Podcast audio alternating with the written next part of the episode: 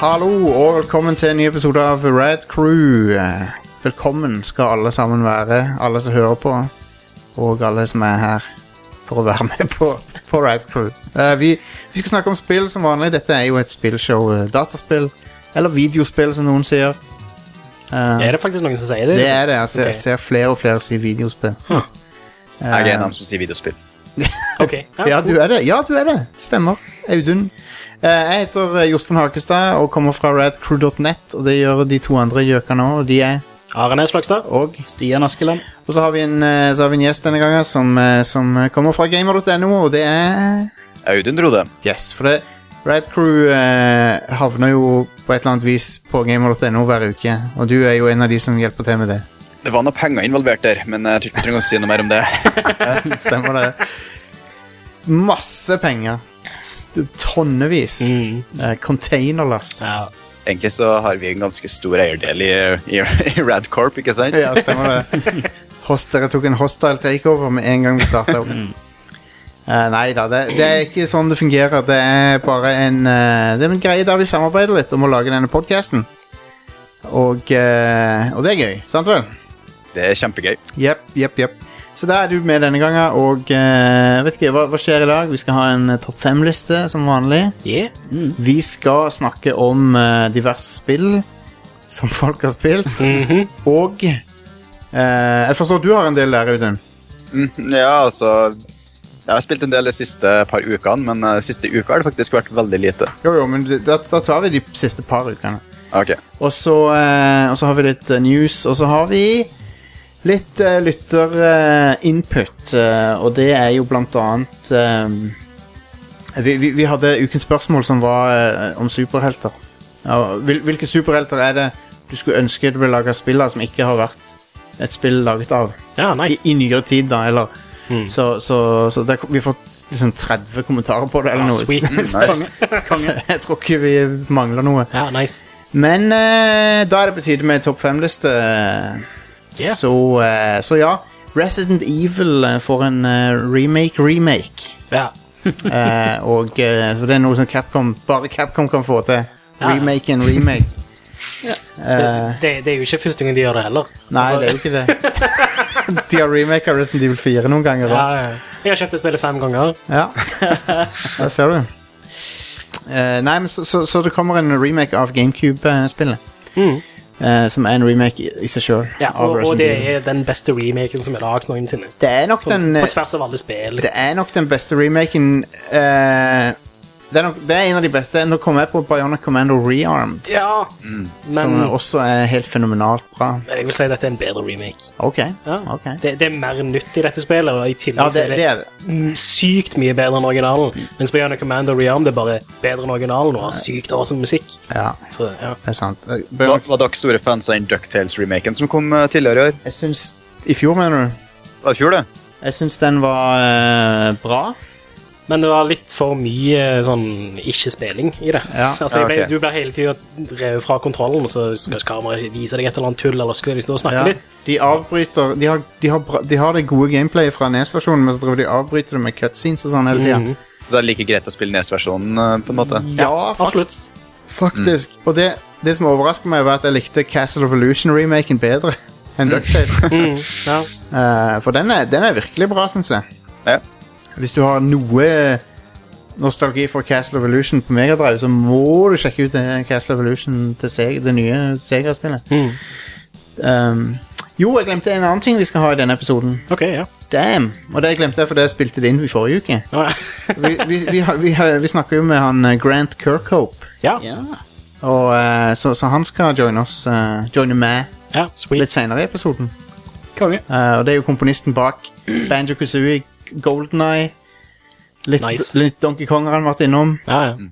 og eh, Kingdoms of Amalur Reckoning. ja. Så han, har- han har vært innom mye rart. Det er et bra resymé, det.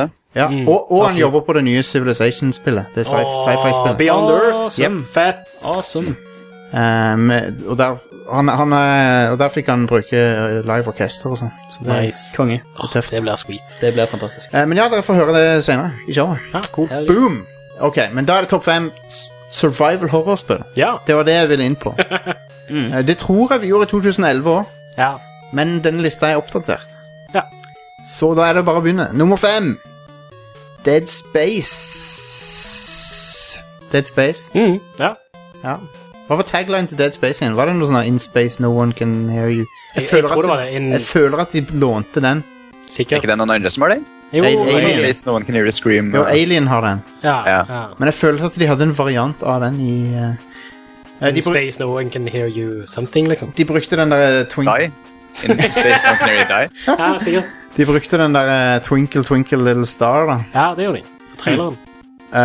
Ehm, men eh, ja, Death, Death, Death Space Det er eller jo Death- You Death Are Space. My Lucky Star, så Ripley synger. Ikke Twinkle Twinkle Little Star. Ja, stemmer. Get your facts straight, man! Ehm, her er den versjonen. Den fra Dead Space. Ja.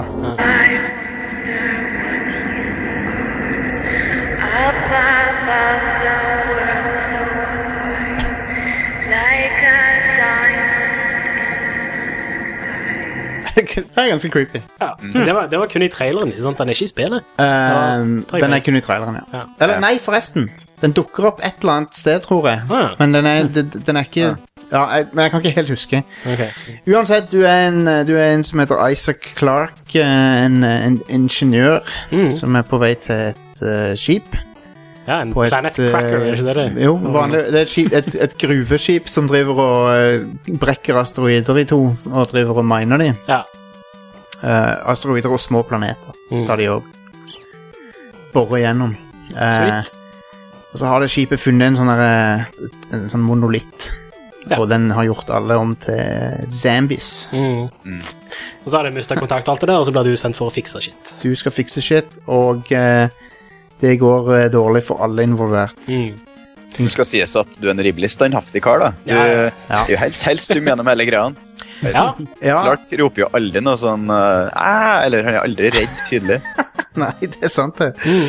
Um, men, men hva er det som gjør Dead Space til så bra spill, eh, Are? Altså, det, det, det låner jo veldig mye fra Resident Evil 4, som er beste spill ever. Ja, Eh, ingen spoilere for lista nå. Nei, nei, men det, Nå var det du som gjorde det. Jeg Jeg, hadde vet ikke det, tenkt å bare, nevne det. bare Men ja, ja. eh, men ja, og så eh, liker jeg jo veldig godt det at du, du bruker ikke nødvendigvis skytevåpen i dette spillet. Du bruker engineering tools, ja. sånn eh, plasma cutters og sånne ting. Få tak i ett maskingevær, men det er det eneste, tror Ja, og jeg. det maskingeværet er ubrukelig uansett. Ja, det er dårlig. Ja, fordi det handler om å dismember fienden. Tactical dismemberment var det EA drev var Buzzordet Ja, EA stemmer hadde det. funnet på. Stemmer det. Med fare, med fare for å høres veldig eh, sj- eh, ikke helt balansert ut, så var det ganske tilfredsstillende å dismember eh, zombiene i Dead Space. Ja, det var Ja, det var det. det. det, var det. Spesielt når du fikk den egenskapen der du kunne eh, s- s- sakke ned tida. Mm. Så Ja. du kunne liksom få tid til å sikte på akkurat på der leddene møtes og sånn. Ja. bare Så ser du bare de løsner i sakte film. sånn. det er satisfying. Og, og i vektløs tilstand var det jo kult. ja, det var skamfett. Det som det spillet gjør jævlig bra, er atmosfære, syns jeg. Mm. Det er helt, helt i toppsjiktet når det gjelder atmosfære. Ja, sykt bra sånn lyddesign i Kan- det, Du kan det spillet. alltid høre motoren dure eh, et eller annet sted i skipet. Du hører, det, du hører liksom at det er et digert skip du er på. Ja. Og så det er sånn, skik- Alt høres ut som, sånn, som digert maskineri som er i gang, liksom. Mm. Det er herlig. Altså, Ja. Det minner meg faktisk litt om Metroid-spillene. Ja, Ja. For absolutt. du, Det du har er litt helt samme alene, struktur. ikke sant? Du hører bare suset av det som er rundt deg, og Ja, ikke sant? Jep. Ehm, og eh, var veldig imponert av de eh, Når du er ute i vakuumsekvensene. Ja. Når du er ute i verdensrommet. De var dritkule. Når de fjerner lyden og sånn. ja. Ja. Du hører bare deg sjøl puste, da, ikke sant? Jep. Ja. Ja. Eh, nice. Og eh, en, en, bare én sekvens i det spillet som jeg virkelig hata, og det var det astro når du skulle skyte asteroider. Det var, Ja. Mm. det var drit. det var ikke gøy. Eh, men den skumleste s- horrordelen av spillet er jo det der vesen, vesenet som jakter på deg, som bare regenererer seg sjøl. Ja, det som du ikke kan drepe. Du må stikke av. Ja, ja, ja. Det likte jeg ikke. Det var bad. Det var ganske skummelt. Det var bad. Det er jo litt lånt fra Resident Evil 4, det òg, Ja, det er det. men eh, Men eh, ja, det var veldig effektivt. Mm. I Dead Space 2 da, så, så gikk det i en litt annen retning. Så du kan nesten ikke si det er survival horror lenger. Det Ja. er mer sånn Die Hard på en romstasjon. Ja, ja. Og, og det i seg sjøl er dritkult. Så litt som aliens, da. Ja, egent, egentlig. Mm. Egentlig. Men det Det er sånn er, det er ganske vanlig med sånn survival horror. Det var jo for eksempel sånn Alone in the Dark-serien. Ja. Så, eh, Hvor det første spillet så styrer du en eller annen dame som bare ikke kan forsvare seg selv eller noen sånne ting som det, og hun skal Stemmer. være veldig sånn eh, svak, og du må stikke av og sånne ting som det. Introen i Alone in the Dark 2, så er det jo en dude som springer bort til et eller annet gjerde, og så sprenger det, og så kommer logoen Stemmer liksom det. inn sånn, og så ser du f- eksplosjon, flammene fra eksplosjonen som er bok i bokstavene til logoen og sånne ting som det. Det er bare sånn, what the fuck. ja. Stian, du, har- hadde du spilt Dead Space? Nei. Ikke toeren heller? Nei. Den hadde du t- Du er, du er typen som hadde digga Dead Space 2, tror jeg. Alright. For det er, det er John McClain in space, eh, det spillet. Det er seriøst, det det er. Ja, jeg tror jeg eh, har det liggende en plass, men jeg har eh, ikke Jeg har spilt ytterst få horrorspill eh, i min tid. To- Toeren begynner som et horrorspill, men så tar det bare flatt av med action. Men det, det begynner med at du er i straight jacket. Du er i, eh, fordi du er gæren. Du har vært på, eh, du har vært på et eh, asyl. Fordi du er ikke helt eh, frisk etter det som skjedde i eh, eneren. Forståelig nok. Og Mm. så, Ja, eh, og så er det en dude som kommer bort til deg. Men, mens du, det er en dude som blir infisert eh, mens du er i den der eh, tvangstrøya. Så kan du ikke komme deg ut Ja, av han. Så, stemmer det. så er han rett in your face mens han driver og muterer foran deg. Og sånn bare Shit! Get off me! Ja, ja, ja. Det er nasty. Så må du drive og ja, Hele introen på spillet så løper du rundt i sånn eh, tvangstrøye. Det er jævlig creepy. Jeg sier bare én ting. Se for deg den åpningssekvensen med Oculus Rift. Og fra første person syv. Ah, ikke si det Oh, engang. shit. Eh, men ja, Dead, Dead Space eh, var en serie som var veldig lovende helt til treeren kom, så det var, det var litt eh, Den har jeg sp- begynt å spille litt på nå. Det, er- det er ikke det samme, altså. Mm. Det er, det er et eller annet som ikke stemmer med det spillet. Er det atmosfæren som mangler, liksom? Ja, Eller, eh, Det, det føles som om de har Føles som de har tikka alle boksene, men så er det sånn uinspirert. Eh, litt sånn der dire, direkte til DVD-oppfølger av Dead Space 2, liksom. Ja. det, er, det er harsh, ass. Det er harsh. Ja. Det er sånn, som eh, Starship Troopers 2. ja, det stemmer, det. ja. Ja, men Det er et eller annet som ikke stemmer med det. Det ser ikke like bra ut. Akkurat som det er dårligere grafikk enn eneren, liksom. Tja, har du sett én nylig? Ja. Det er ikke så veldig imponerende grafikk på det som det ser i dag. Nei, men se på treeren. Det, det er ikke så bra, skjønner du. Ok, ja, Det... ok. Og så har det jo en retarded slutt, eh, hvis du unnskylder det uttrykket. Eh, ja, det har jeg hørt. Er det ikke sånn at du skal drepe en måned eller noe? Det er en måned bestående av de der zombiene. Eh, så ja. Men uansett, nummer, eh, nummer fire Yeah. som eh, er mest, kanskje mest berømt for sin eh, skurk, eller en av skurkene, som er Pyramid Head. Det er Silent Hill 2. Ja. Ja. Og det er jo egentlig Pyramid Head som er hovedgrunnen til at det spiller på lista. ja, nesten. det er nok det.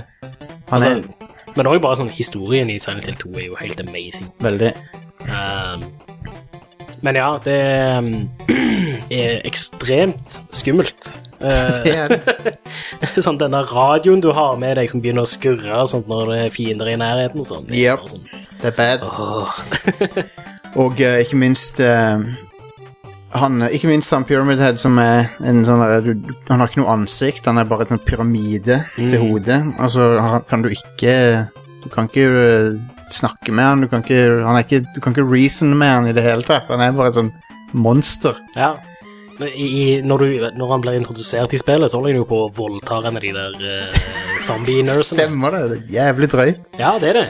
Det er sick. Og det spiller jo inn i historien òg, i det spillet, så det, er- det er ganske sånn Så er det, litt sånn, det er mye sånn der sexsymbolikk der med at han har det der svære sverdet sitt og sånn. Og det, det er ganske sånn Det er creepy som F.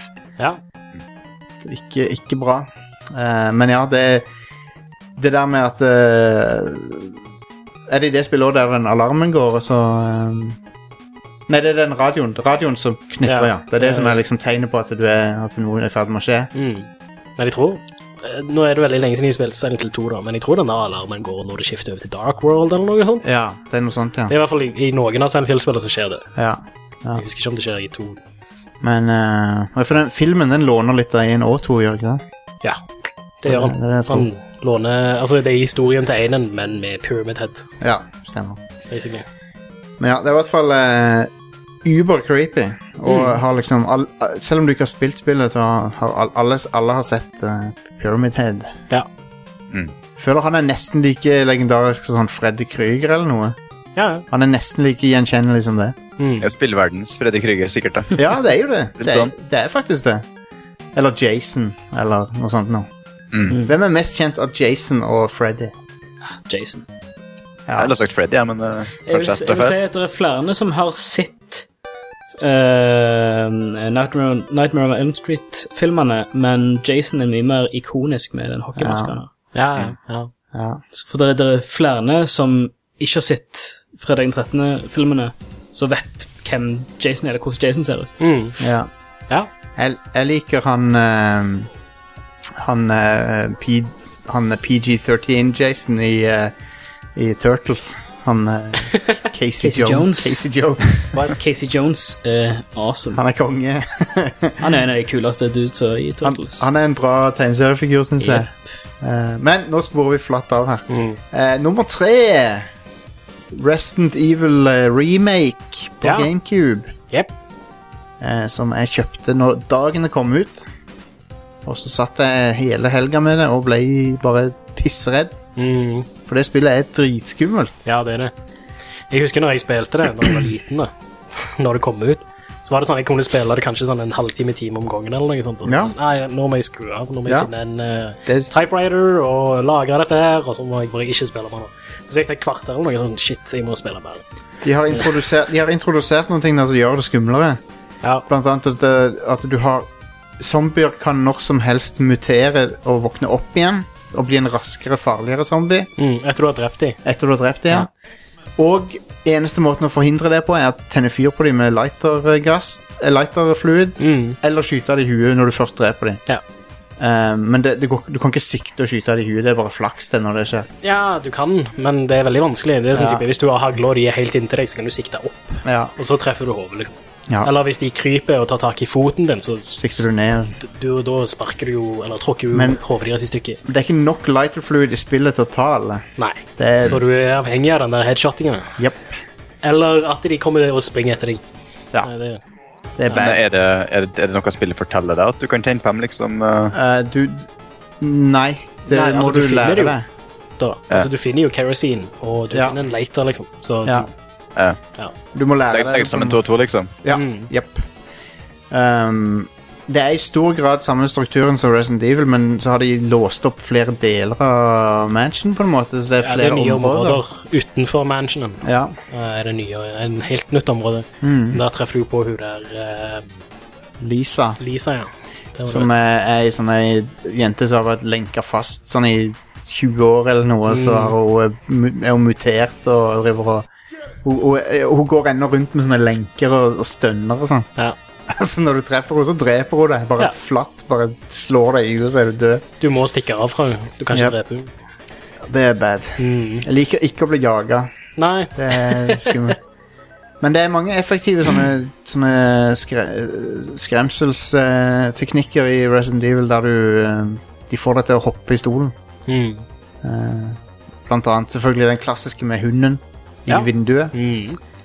Den har de gjenskapt eh, og gjort eh, enda mer eh, skummel, tror jeg. Det syns jeg husker. Og så har, du, så har du noen sånne der du ser en zombie som banker på ruta utafor. Ja. Så når du kommer tilbake til s- samme område, så er han ikke der mer. Og så bare, "Wo- ok, hvor er han nå igjen? Sånne ting som det. Og så plutselig så kommer han et eller annet annet sted. Ja. Det er veldig kult. Ehm, men det spillet tar av litt, det. Når du- Når du kommer under mansion. Ja. Det, det blir ganske crazy. etter det. Det er ganske Sånn sånn, som what the fuck. Alle Resident Evil-spill, egentlig. Men ja. Det er jo sånn digert eh, vitenskapskompleks under den mansion. Jep. Um, og eh, der det er blant annet zombiehaier. ja. Ah, Det er zombiehaier der. Å, men det hadde jeg nesten glemt. ah. Eh, ja. Eh, jeg, br- jeg tror jeg brukte walkthrough på deler av det. For jeg, kom, i- eh, for jeg husker eh, Nei, det kan jeg ikke ha gjort, for jeg spilte det når det var helt nytt. Så jeg kan ikke ha gjort det. Så jeg tror jeg runda det på egen hånd, faktisk. Med mindre du kjøpte gameguiden fra, fra Spiderman. Det, eller gjo- sånt. det gjorde jeg ikke. Det gjorde jeg ikke. Morsomt at du sier Spiderman, for det, den var der på den tida. ja. ja. Var den i Oslo òg? Den var i Oslo, den var i Trondheim òg. Trondheim? Ja, du bodde selvfø- selvfølgelig i Trondheim, du, da. Ja, det var- ja, nei, jeg gjorde ikke det, men ja. Du gjorde ikke det? Bodde du i Oslo Nei. allerede da? Eh, nei, men vi, vi kan ta den historien litt senere. tror jeg. OK. Drama! Ellers så blir- ellers så blir det en veldig lang avsporing her. Ah, ok, greit. Eh, n- men ja, Resident Evil-remaken er jo blitt en sånn eh, gullstandard for eh, remakes. eh, hvordan du skal remake et spill ordentlig. Mm. Eh, og det, det er faktisk en, mye bedre enn originalen. Ja. Sånn på alle måter. De har fiksa skuespillet. Ja. Det er ikke- Det er fortsatt like cheesy dialoger og sånt. da Jo, men det, det, Det er skikkelig skuespillere det nå. er bedre. Eh, selv om det er like crap, på en måte, så er det allikevel bedre. Ja, ja. Men, men er det fremdeles verdt å spille PlayStation-spillet Nei. når du har spilt remaken? liksom? Nei. Jeg ville aldri gidde å gjort det. Hvis du har lyst til å se Se introvideoen til det. Det er nok. Nei, det Ja. er fortsatt et bra spill. Sånn. Det er fortsatt kjekt å spille. Jo, men hvis du har spilt remaken, så er det ikke vits å bruke tid på Hvis ikke du er veldig interessert, da. mm, ja. ja. Men eh, det, det er jo litt ehm, det er, Jo, eneste grunn til å spille PlayStation-spillet vil jeg si er hvis du har lyst til å se og høre den enormt eh, cheesy dialogen. ja.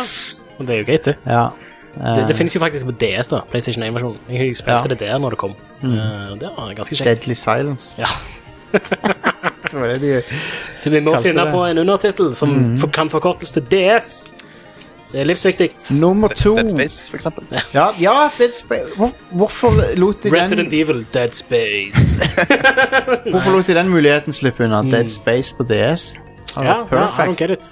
Eh, nummer to The Last of Us, Yeah. Yeah. Mm. som er fra i fjor. Det har jeg spilt. Og i år. Det har du spilt, Stian. Det har jeg rundet. Nice. Mm. Det er jo et survival horror-spill i stor grad, vil jeg si. Mm. Det, har, det har jo ma- Men det har mange av, avbrekk som er lange, der det ikke er noe skummelt som skjer, på en måte. Ja, det er sant. Men så plutselig så blir det skikkelig bad. Mm. Men du har fortsatt hele tiden den der eh, manglende ressurser og Ja, Mm. ja. alt det der som er en viktig del av survival horror. Du, Du, du er alene mot uh, infesterte, liksom. det... ja, Du har alle byggeblokkene til et survival horror-spill. det har du. Du er veldig sårbar. Tåler bare noen få hit. Ja. Eh, enten det er av eh, zombier i fjeset eller kuler i fjeset. Så tåler du ikke mye. Og det Hvis er du- bare av de minste, svakeste motstanderne. Ja. De eh, resterende motstanderne tar deg på et hit, Ja. Mm. uansett. Klikkers. ja. Audun, du har, du har sikkert runda dette, har du ikke det? Det gjorde jeg. jeg gjorde det i fjor sommer. Yeah. Det er, det er kvalitetsspill. Det er, Mm. Om ikke det beste spillet jeg har spilt i fjor, så er det i hvert fall opp der en plass. Ja. ja. Japp. Ehm, det, det har eh, noen veldig effektive, skumle sekvenser. eh, Mm. Der du eh, det, de der de lydene de der zombiene lager, det er det som gjør det så jævlig, syns jeg. Ja. Og eh, kjelleren på hotellet.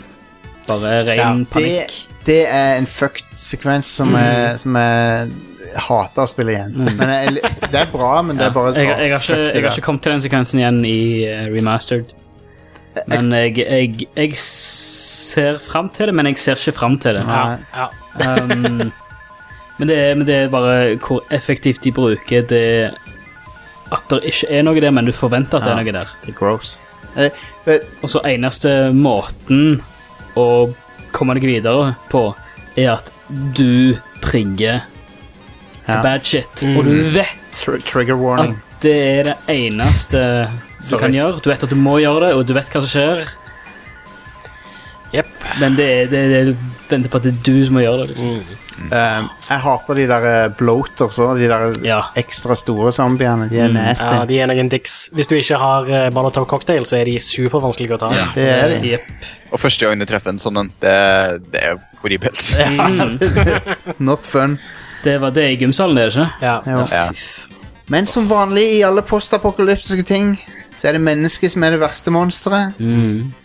Og eh, du møter jo på noen helt forjævlige folk eh, litt lenger ute i spillet, som er enda verre enn zombiene. Noel North. Ja. Eh, Og vi trenger ikke å si hva, de, hva som er hemmeligheten til de folkene, det kan folk finne ut av sjøl. Mm. Men mennesker er ganske skumle i dette spillet òg, liksom. Det er ikke bare zombiene som er skumle. Det er det. Men de, de, som har, de som har den der kolonien, de folkene er fucked. Jep. Eh, de som har det der fjell, fjellkolonien. God damn, de er ikke friske. det, det, og det, akkurat det minte meg litt om eh, et eh, annet spill som er på lista. Som er det neste. Ja. Som er Resident Evil 4, nummer én. Yeah!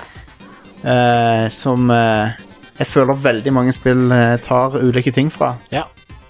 Kameravinkelen, for eksempel. Senest, senest syns jeg Tomb Raider tok masse fra Resident Evil 4. Ja. Eh, med den derre kulten som er på jakt etter det, Mm. og, og pacinga på Tomb Raider er veldig lik. Ja. Du har sånne actionsekvenser og eh, liksom sånne Måten de, sa- måten de strukturerer storyen på, og sånn var jo rett ut av Resident Evil 4. Mm. Eh, men ja, fortellere, dette er jo et av dine, et, et av dine favorittspill. Ja, eh, det, det, altså jeg liker det av samme grunnen som jeg liker Resident Evil 4. basically. De gjør alt det som Resident Evil 4 gjorde, bare ikke helt like bra. Men ja, Ja, Tomb Raider. Tomb Raider tenker Ja. jeg på, ja. Men Resident Evil 4, da? Men Resident Evil 4 er bare så fuckings perfectly designa. Det er, har amazing pacing, Det har det. eh, som Altså, det bare Det slutter aldri å bli kjekt. Det blir bare kjekkere og kjekkere jo lenger ut i spillet du spiller, faktisk. Eh, og så er det mm, veldig kult hvordan du, du oppgraderer våpen og sånne ting som det. Du har hele tida det, det, det var et av de første spillene som gjorde det, tror jeg. Stemmer Mm. ikke det? Jo, At du har sånn RPG-elementer i spillet. jo jeg tror det. Eh, Eh, men òg så er det bare sånn eh, Å slåss mot fiender og sånt er faktisk veldig veldig interessant, og det krever mye taktikk og strategi. Og det Det, det har et eh, utrolig dårlig manus, men det, Ja. men det, er, det er allikevel utrolig morsomt. Ja. det Eh, er super cheesy, og storyen er super bullshit. Men eh, så, ja. fortalte du hva som er dealen med zombiene og sånn i det spillet? ja, det er jo en ny type zombier i det Det er en spillet. parasitt Ja. som heter Las Plagas, Mm. som eh, sett det, er- du, er- du, Spillet Skal foregår vi i dra på sydenferie til Las Plagas? Det er, så, bu- det er veldig billige drinker. da. Playaen i Las Plagas? Det er, en, det er en nasty parasitt som, eh, som eh, blir til et slags sånn der digert insekt inni eh, sp- spinen din, og så stikk, til slutt så stikker det opp av hodet ditt, og så har du ikke noe hode lenger. Mm. Eh, det er ganske nasty. ja. Første gang det skjer, da friker jeg ut. Ja. For det at det tø- I liksom første tredjedelen av spillet så er det bare crazy folk du skyter på. ja. Sånn vanlige dudes, liksom, som snakker spansk og ehm, er ganske asshole mot Ja. deg. Ja, så klart det. for det. Så er det en, så, er- Gateselgere, eller Ja, nei, de prøver, han første duden prøver å ta deg med øks, liksom. ja. Og de, Ja, det, Eh, så da- ja. Du merker at det er noe off med de folkene. Mm. De er ikke helt sånn der, de oppfører seg ikke helt normalt. Men så er det litt ute i spillet, når du skal prøve å skyte en av dem, så plutselig så bare burster det sånne, der t- sånne der cre- insektbein opp av, opp av halsen hans. Ja. Så har han ikke noe hode lenger. Så er det Ja, bare sånn jeg- jeg- Hodet hans henger liksom litt bak av og til. og det varierer litt, da. Av og til så har de ikke hodet lenger, av og til så henger de, kommer det ut av halsen, liksom, så henger hodet bak de. ja. Um, og, da, og da skjønner du at det, er- det, ok, det, er de, det er noe med de folka her. De er ikke, helt, ikke helt friske. Eh, Så Stian, eh, du som har kjøpt alle fem-seks utgavene av spillet, hvilken vil du si er den Det er Are som har ultimate det. Are, utgaven? Are har det er det. meg. Are har det. Are Ja. har det Eh, ja. med. Hva var det du sa for noe? Hva for en Hvilken eh, utgave er den ultimate utgaven av Resident Evil 4? For det finnes jo et dusin. Ja, eh, så um, Tidligere så ville jeg sagt GameCube-versjonen er den beste, men det er jo ikke tilfellet lenger. Nå får du det på PC, Ja. så da er det beste. PC-versjonen. Det vil si den andre PC-versjonen. Ja, For den første er, er ordentlig piece of shit. ja Da er det, den nye PC-versjonen. Ja, Og den heter Resident Evil 4 HD, eller? Ja. Stemmer det. ja. Eh, men så får du det òg på Xbox 360 og PlayStation 3, og den versjonen der òg er konge. Så, Ja. ja. Eh, Å gå tilbake til GameCube nå er vondt, for at du, du, du skyter med A og sånn. Ja. Mm. Helt messed up eh, gameplay. Ja, men uansett så er det fucked å gå tilbake til Resident Evil 4. Fordi du sikter med venstre analogspake. Ja, ok, det er sant. Uansett, det kan du ikke gjøre noe med, liksom. Nei. Eh, og sånn sett så er det bedre å gå tilbake til GameCube-kontrolleren, fordi da er det faktisk mer Ja, naturlig å sikte med kanskje, venstre kanskje du analogspake. sier noe der, ja. Fordi høyre analogspake er jo ubrukelig å sikte med, liksom. Eh, jeg syns faktisk at We-versjonen var den beste å spille. Ja, den er ganske For jeg nice. likte godt å sikte med We-remoten i det spillet. der. Mm. Det gjorde det faktisk Men det gjorde det faktisk lettere, da. Så det, du kan jo diskutere om det er bra eller ikke. Det er ikke det. Ødela det innlevelsen, liksom? Ja. Ødela det at den der eh, følelsen av at du ikke helt klarer å sikte? Ja, for du blir jævlig god til å sikte med det. Ja, du, du tar remoten. bare headshots eh, hele tida, så det, det slutter å være utfordrende. Og litt av greia med Resident Evil 4 er når du er sånn halvveis ute i spillet og ikke har noe ammo, enn å ta fiender med kniver, liksom. Ja. Det er jo et bra, bra versjon av spillet. Ja, ja, ja. Det, det, det er jo altså, samme grafikk som GameCube-utgaven, og så Ja. har du alt det der ekstra stuffet som var i PlayStation 2-utgaven. Så, Ja. så det er sweet, men PS2-utgaven var kraftig nedgradert i, i grafikk og sånn. Den, hadde noen s- den hadde noen mangler. ja, du, du ser hvis det er mer enn sånn tre fiender på skjermen samtidig eller noe, så blir Ja. de skikkelig grøt i teksturene og sånn. Ja. Eh, og Noe så- måtte jo GameCube ha. Ja, ja. GameCube, GameCube var betydelig kraftigere enn PS2. Yep. ja, Eh, På eh, noen ting og på en- andre ting ikke, liksom, men en- spillet var jo designa for GameCube. Så. hovedproblemet til GameCube var diskkapasiteten. Mm. Eh, selve gra- GPU-en er mye bedre enn PlayStation 2 sin. Eh, altså, grafikken er be potensielt bedre, men så har det, var det ikke plass til eh, bra gra grafikk-assets på disken. Så, det er Mm-hmm. litt sånn der, så Nintendo sine egne spill ser jo bra ut. Ennå. Mm. Som vanlig. Som vanlig. Det er Ja. den samme fuckings historien som det er nå. Eh, men ja, jeg har et eh, jeg har en lite stykke dialog her fra Resident Evil 4. As a matter of fact, I Mellom hoveds hovedskurken og Leon S. Ah, Kennedy. yes. Enjoy the reunion with your old friend. as a matter of fact, I did. Det er sånn der codec call som i Metal Gear. da ja, Mm. stemmer. For det har de lånt fra Metal Gear av en eller annen grunn i dette Ja. spillet. Wonderful. I wouldn't want my special guests on the island feeling unattended. Guess I'm supposed to thank you, right? Ah, I have an idea. Since you're here, why don't I introduce you to it?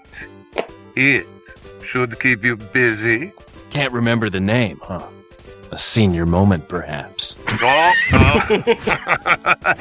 Enjoy the fun. Latterlig dialog. Det er ingenting som er bra med den dialogen. der, Annet enn at det er super cheesy og teit. A senior moment, perhaps. For en sick burn, Leon S. Kennedy. Det var en eh, der, der, der viste du han. Ja, visst.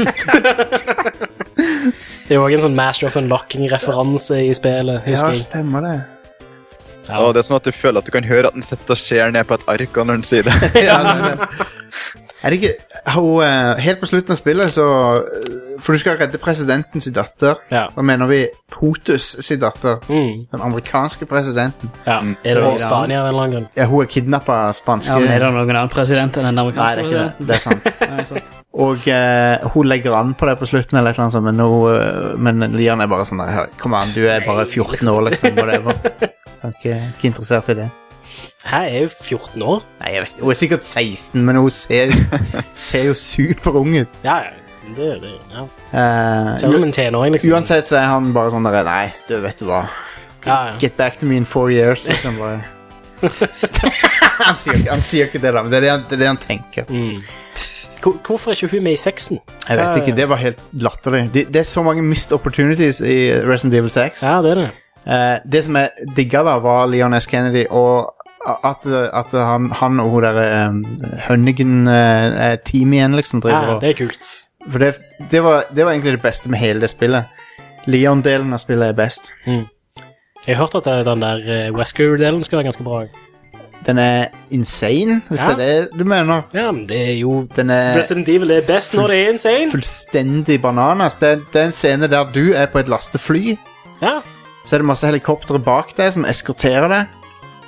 eh, og så er det et sånt digert eh, bi- BOW, som de kaller det for. Et- eh, POW, ikke sant? BOW, Nei, bio, BOW. Ja, stemmer det. biowep, bioorganic Bioorganic weapon.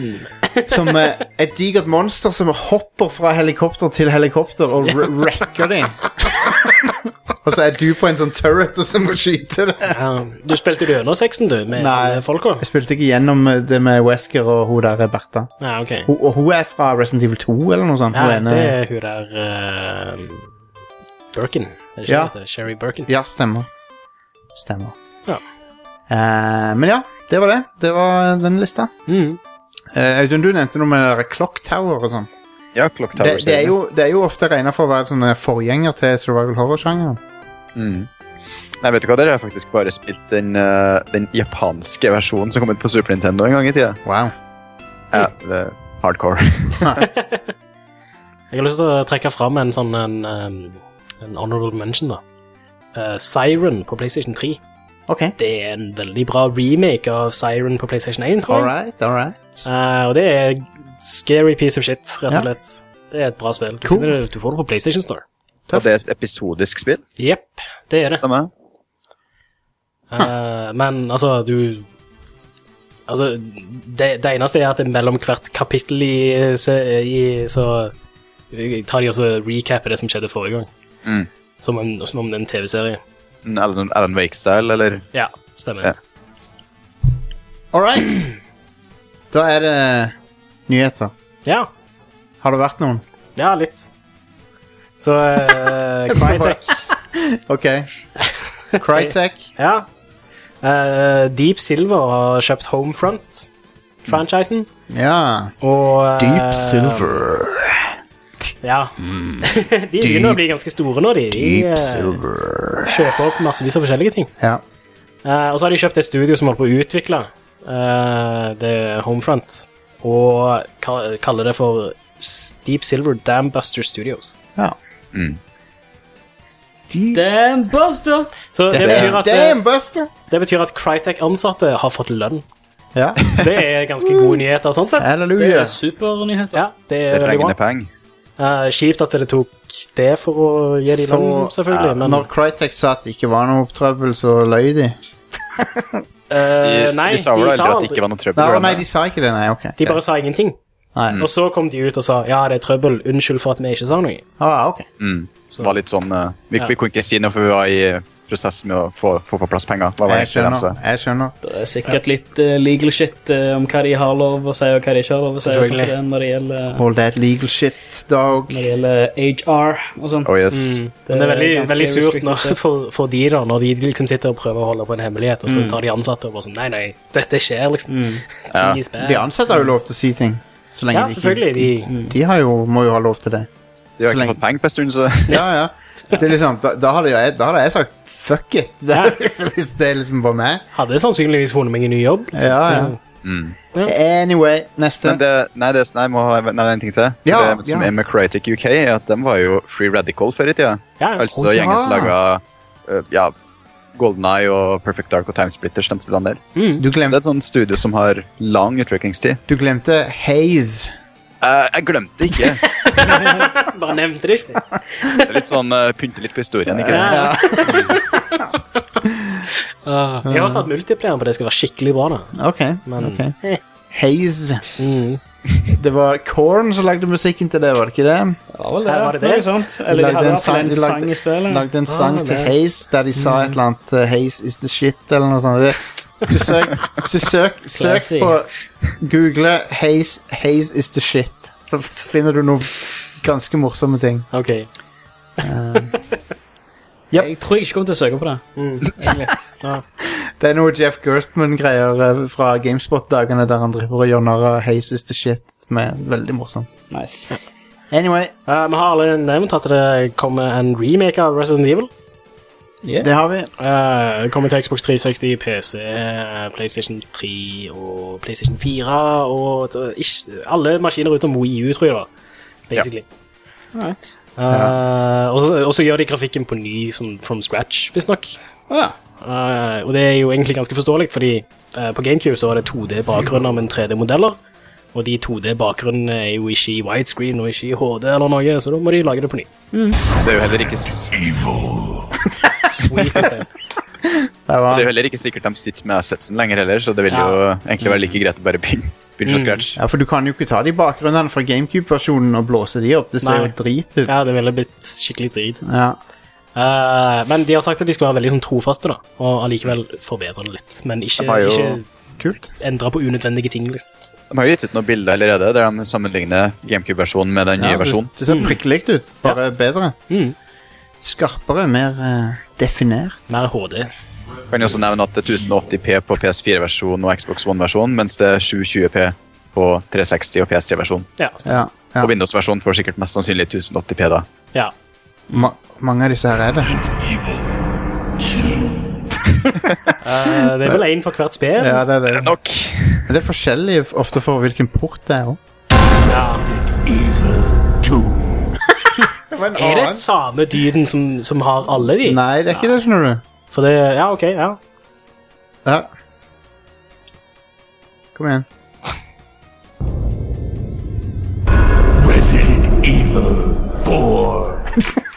OK, nå er det nok. Nå har jeg fått nok. Eh, EA Access. Det er en ting. Ja. Hva er det for noe? Det er en eh, EA subscri subscription service. Jeg har hørt det, Basically. jeg har hørt det er skikkelig drit, eh, for Sony sa det. At det var kjent. Det er eksklusivt på Xbone Ja. eh, foreløpig. Lurer på hvorfor Sony sa det var drit, da. Fordi det er en konkurrent til PlayStation Plus, Ja. selvfølgelig. Det Ja. er jo ikke noe annet enn det. Det er så teit. Det er så gjennomsiktig. Så Det lett å er supergjennomsiktig. Ja. Ja, men det, det er jo en kul ting, da. Altså, du, får, eh, du får spille spillene ei uke før de kommer ut, Yep. hvis du abonnerer. Og så, og så får du spille spillene mens du abonnerer. liksom Sånn Battlefield 4 og sånne ting så det får du bare sånn Ja, ja. ja. Eh, det virker som en god deal. ja det gjør det. Hva koster det? Eh, Hva var det da? F- eh, Fem dollar i måneden? Ti? Eller noe sånt? Og Ja. 30 i året?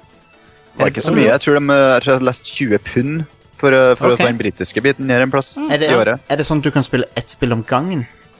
Nei, det var litt som PlayStation Plus, at du har en slags et lager med Ja, spill. ok. Ja, Ja. du, Ja. får- du får fire spill i begynnelsen, tror jeg det var. Ja. Jeg har ikke notert meg hvilken det var. Det virker- men Battlefield var et av de. Hvis du er Spesielt hvis du er veldig inne i de der EA-sportsspillene og Battlefield og sånn, så er det jo en k- kongedeal. Ja, eller hvis du vil spille Dragon Age Inquisition ei uke før det kommer ut. Ja, men kanskje jeg bare melder meg- melder meg inn, da, bare for å gjøre det. Spillene som er i beta-launchen, er Battlefield 4, Madden, NFL 25, Fifa 14 og Peggle 2. Ja, nice. Peggle 2 er konge, da. Ja, Mm. ja. Det er verdt det bare på grunn av Peggle 2. Kongespill. Ingen som, folk gjør narr av meg når jeg sier det. Yep. Nei, nei, De, eh, Peggle er jo awesome. De på eh, LOL-bua har jo eh, De driver og sier De driver og kødder med Peggle 2 hver uke nå, bare for det. er så- De, to, to episoder på rad var det ah, Jostein ah, som mener at Peggle 2 er beste spill i verden. Jeg har ikke sagt det er det, be jeg har ikke sagt det, er det beste spillet i verden. Nei, bare at det er jævlig bra, liksom. Ja. De, de må slutte å disrespekte meg. Det er det, det, er det jeg sier. Ja. Jeg er enig med deg, Jostein. Ja. Nei da, de, de, er jo, eh, de er jo en del av eh, Red Crew nå, de, de folkene. det er de. Så, eh, Så de bør passe litt, det vil si. ja, det, er jo det- ja, det er jo det jeg prøvde å hinte litt på nå. da. At de må eh, trå varsomt. ja. Eh, men ja, E- EA Access eh, Bedre deal så langt enn PlayStation Now, som virker helt eh, horribelt. Ja, har vi fått noen detaljer på det? Den betaen som driver og går nå i USA, er jo helt eh, hinsides med de prisene de har. Det er jo Ja, ok, helt på ja. trynet. Du må betale full pris liksom, for å teste et spill i to måneder. Mm. Da har du kjøpt spillet. Å ja. Du kan like godt bare kjøpe det. ja. Eh, Og så må du streame det, liksom. ja. Du, du, må, du må få det Ja. streamt fra en annen plass. Du kan gå, gå, på, gå på en eh, Det er like greit å kjøpe seg en PS3. Kjøpe PS3-spill til han. Ja. Eh, fordi det er helt hinsides de prisene der. Pluss at nå har de jo gått tilbake på PS2 og PS1, sier de ingenting om lenger. Å ja, så du kan ikke spille PlayStation 1 og 2? De sier akkurat nå fokuserer vi på PS3, sier de. Å, men. Det er jo en eh, ganske logisk grunn til det, og det er at eh, PC1 og PS2 har de jo emulering til allerede. Så det vil ikke være det vanskeligste å få på plass. Mens Nei. PS3 der må de jo bygge store Hvis jeg har forstått det riktig, så må Ja. de bygge egne eh, modifiserte PlayStation 3-farmer Mm. Ja. for å få, få til det her, for at de har ikke Den maskinen er så komplisert å emulere at de har ikke fått på plass det ennå. Det er, du, selv prosessoren er så avansert og kraftig At Selvprosessoren det er så bullshit! at det tar Du må ha Bare for å kjøre én PlayStation 3 nå, så må du ha må du ha et, en serverpark for å For å Husk kjøre én husk PlayStation at 3. kompleks ikke er det samme som kraftig. Det er et ganske viktig poeng her. Altså, Selvprosessoren var jo ganske kraftig, og sånn, når Den den skal- kom alt det der, men altså Den kommer til å drive alle fremtidens kjøleskap og ja, Mm. Brødristere Og eh, f- Ken Kutaragi sa det, da må det være sant. Mm. Det er en kraftig prosessor, men den er totalt unødvendig kompleks Ja, og tilnærmet umulig å programmere til. ja, I hvert fall eh, Hovedproblemet til Spør Hideo Kojima. Launchen til PS3 var veldig problematisk, fordi at de verktøyene de hadde, var ikke gode nok. eh, Ja. Og supporten til Sony var visst dårlig på den tida. Jepp. De var litt sånn hovne etter PlayStation 2-suksessen. så- Ja, Ja. ja. Eh, Men i tillegg også så var det jo bare en helt annen prosessor å lage spill til enn noen andre maskiner. liksom. Ja. ja. Så det var Men eh, PlayStation Now begynner å bekymre meg litt. Grann. Jeg må innrømme det. Ikke Jeg, jeg tror de egentlig bare er redd for å, at de skal begynne for lavt. Ja. Jeg tror de heller tenker å begynne i den enden, hvis du skjønner hva jeg mener. Ja, Mm. ja. Så heller skru ned prisen etter hvert. ja. Jeg håper i hvert fall det. Men det er jo en dårlig idé, syns jeg, da. Fordi da er det sånn type du har de som tester det nå, eller hører om det nå, og så bare sånn legger de det bak i bakhovet, og så bare tenker de aldri på det igjen, liksom. Og kommer aldri til å teste det ut. Men jeg vil ikke, Det- jeg, det, det er dumt med PS4 at, det, at den ikke er bakompa- bakoverkompatibel med PS2 og PS1. Burde ikke vært Kompatibilitet der burde ikke vært vanskelig å få til på PS4.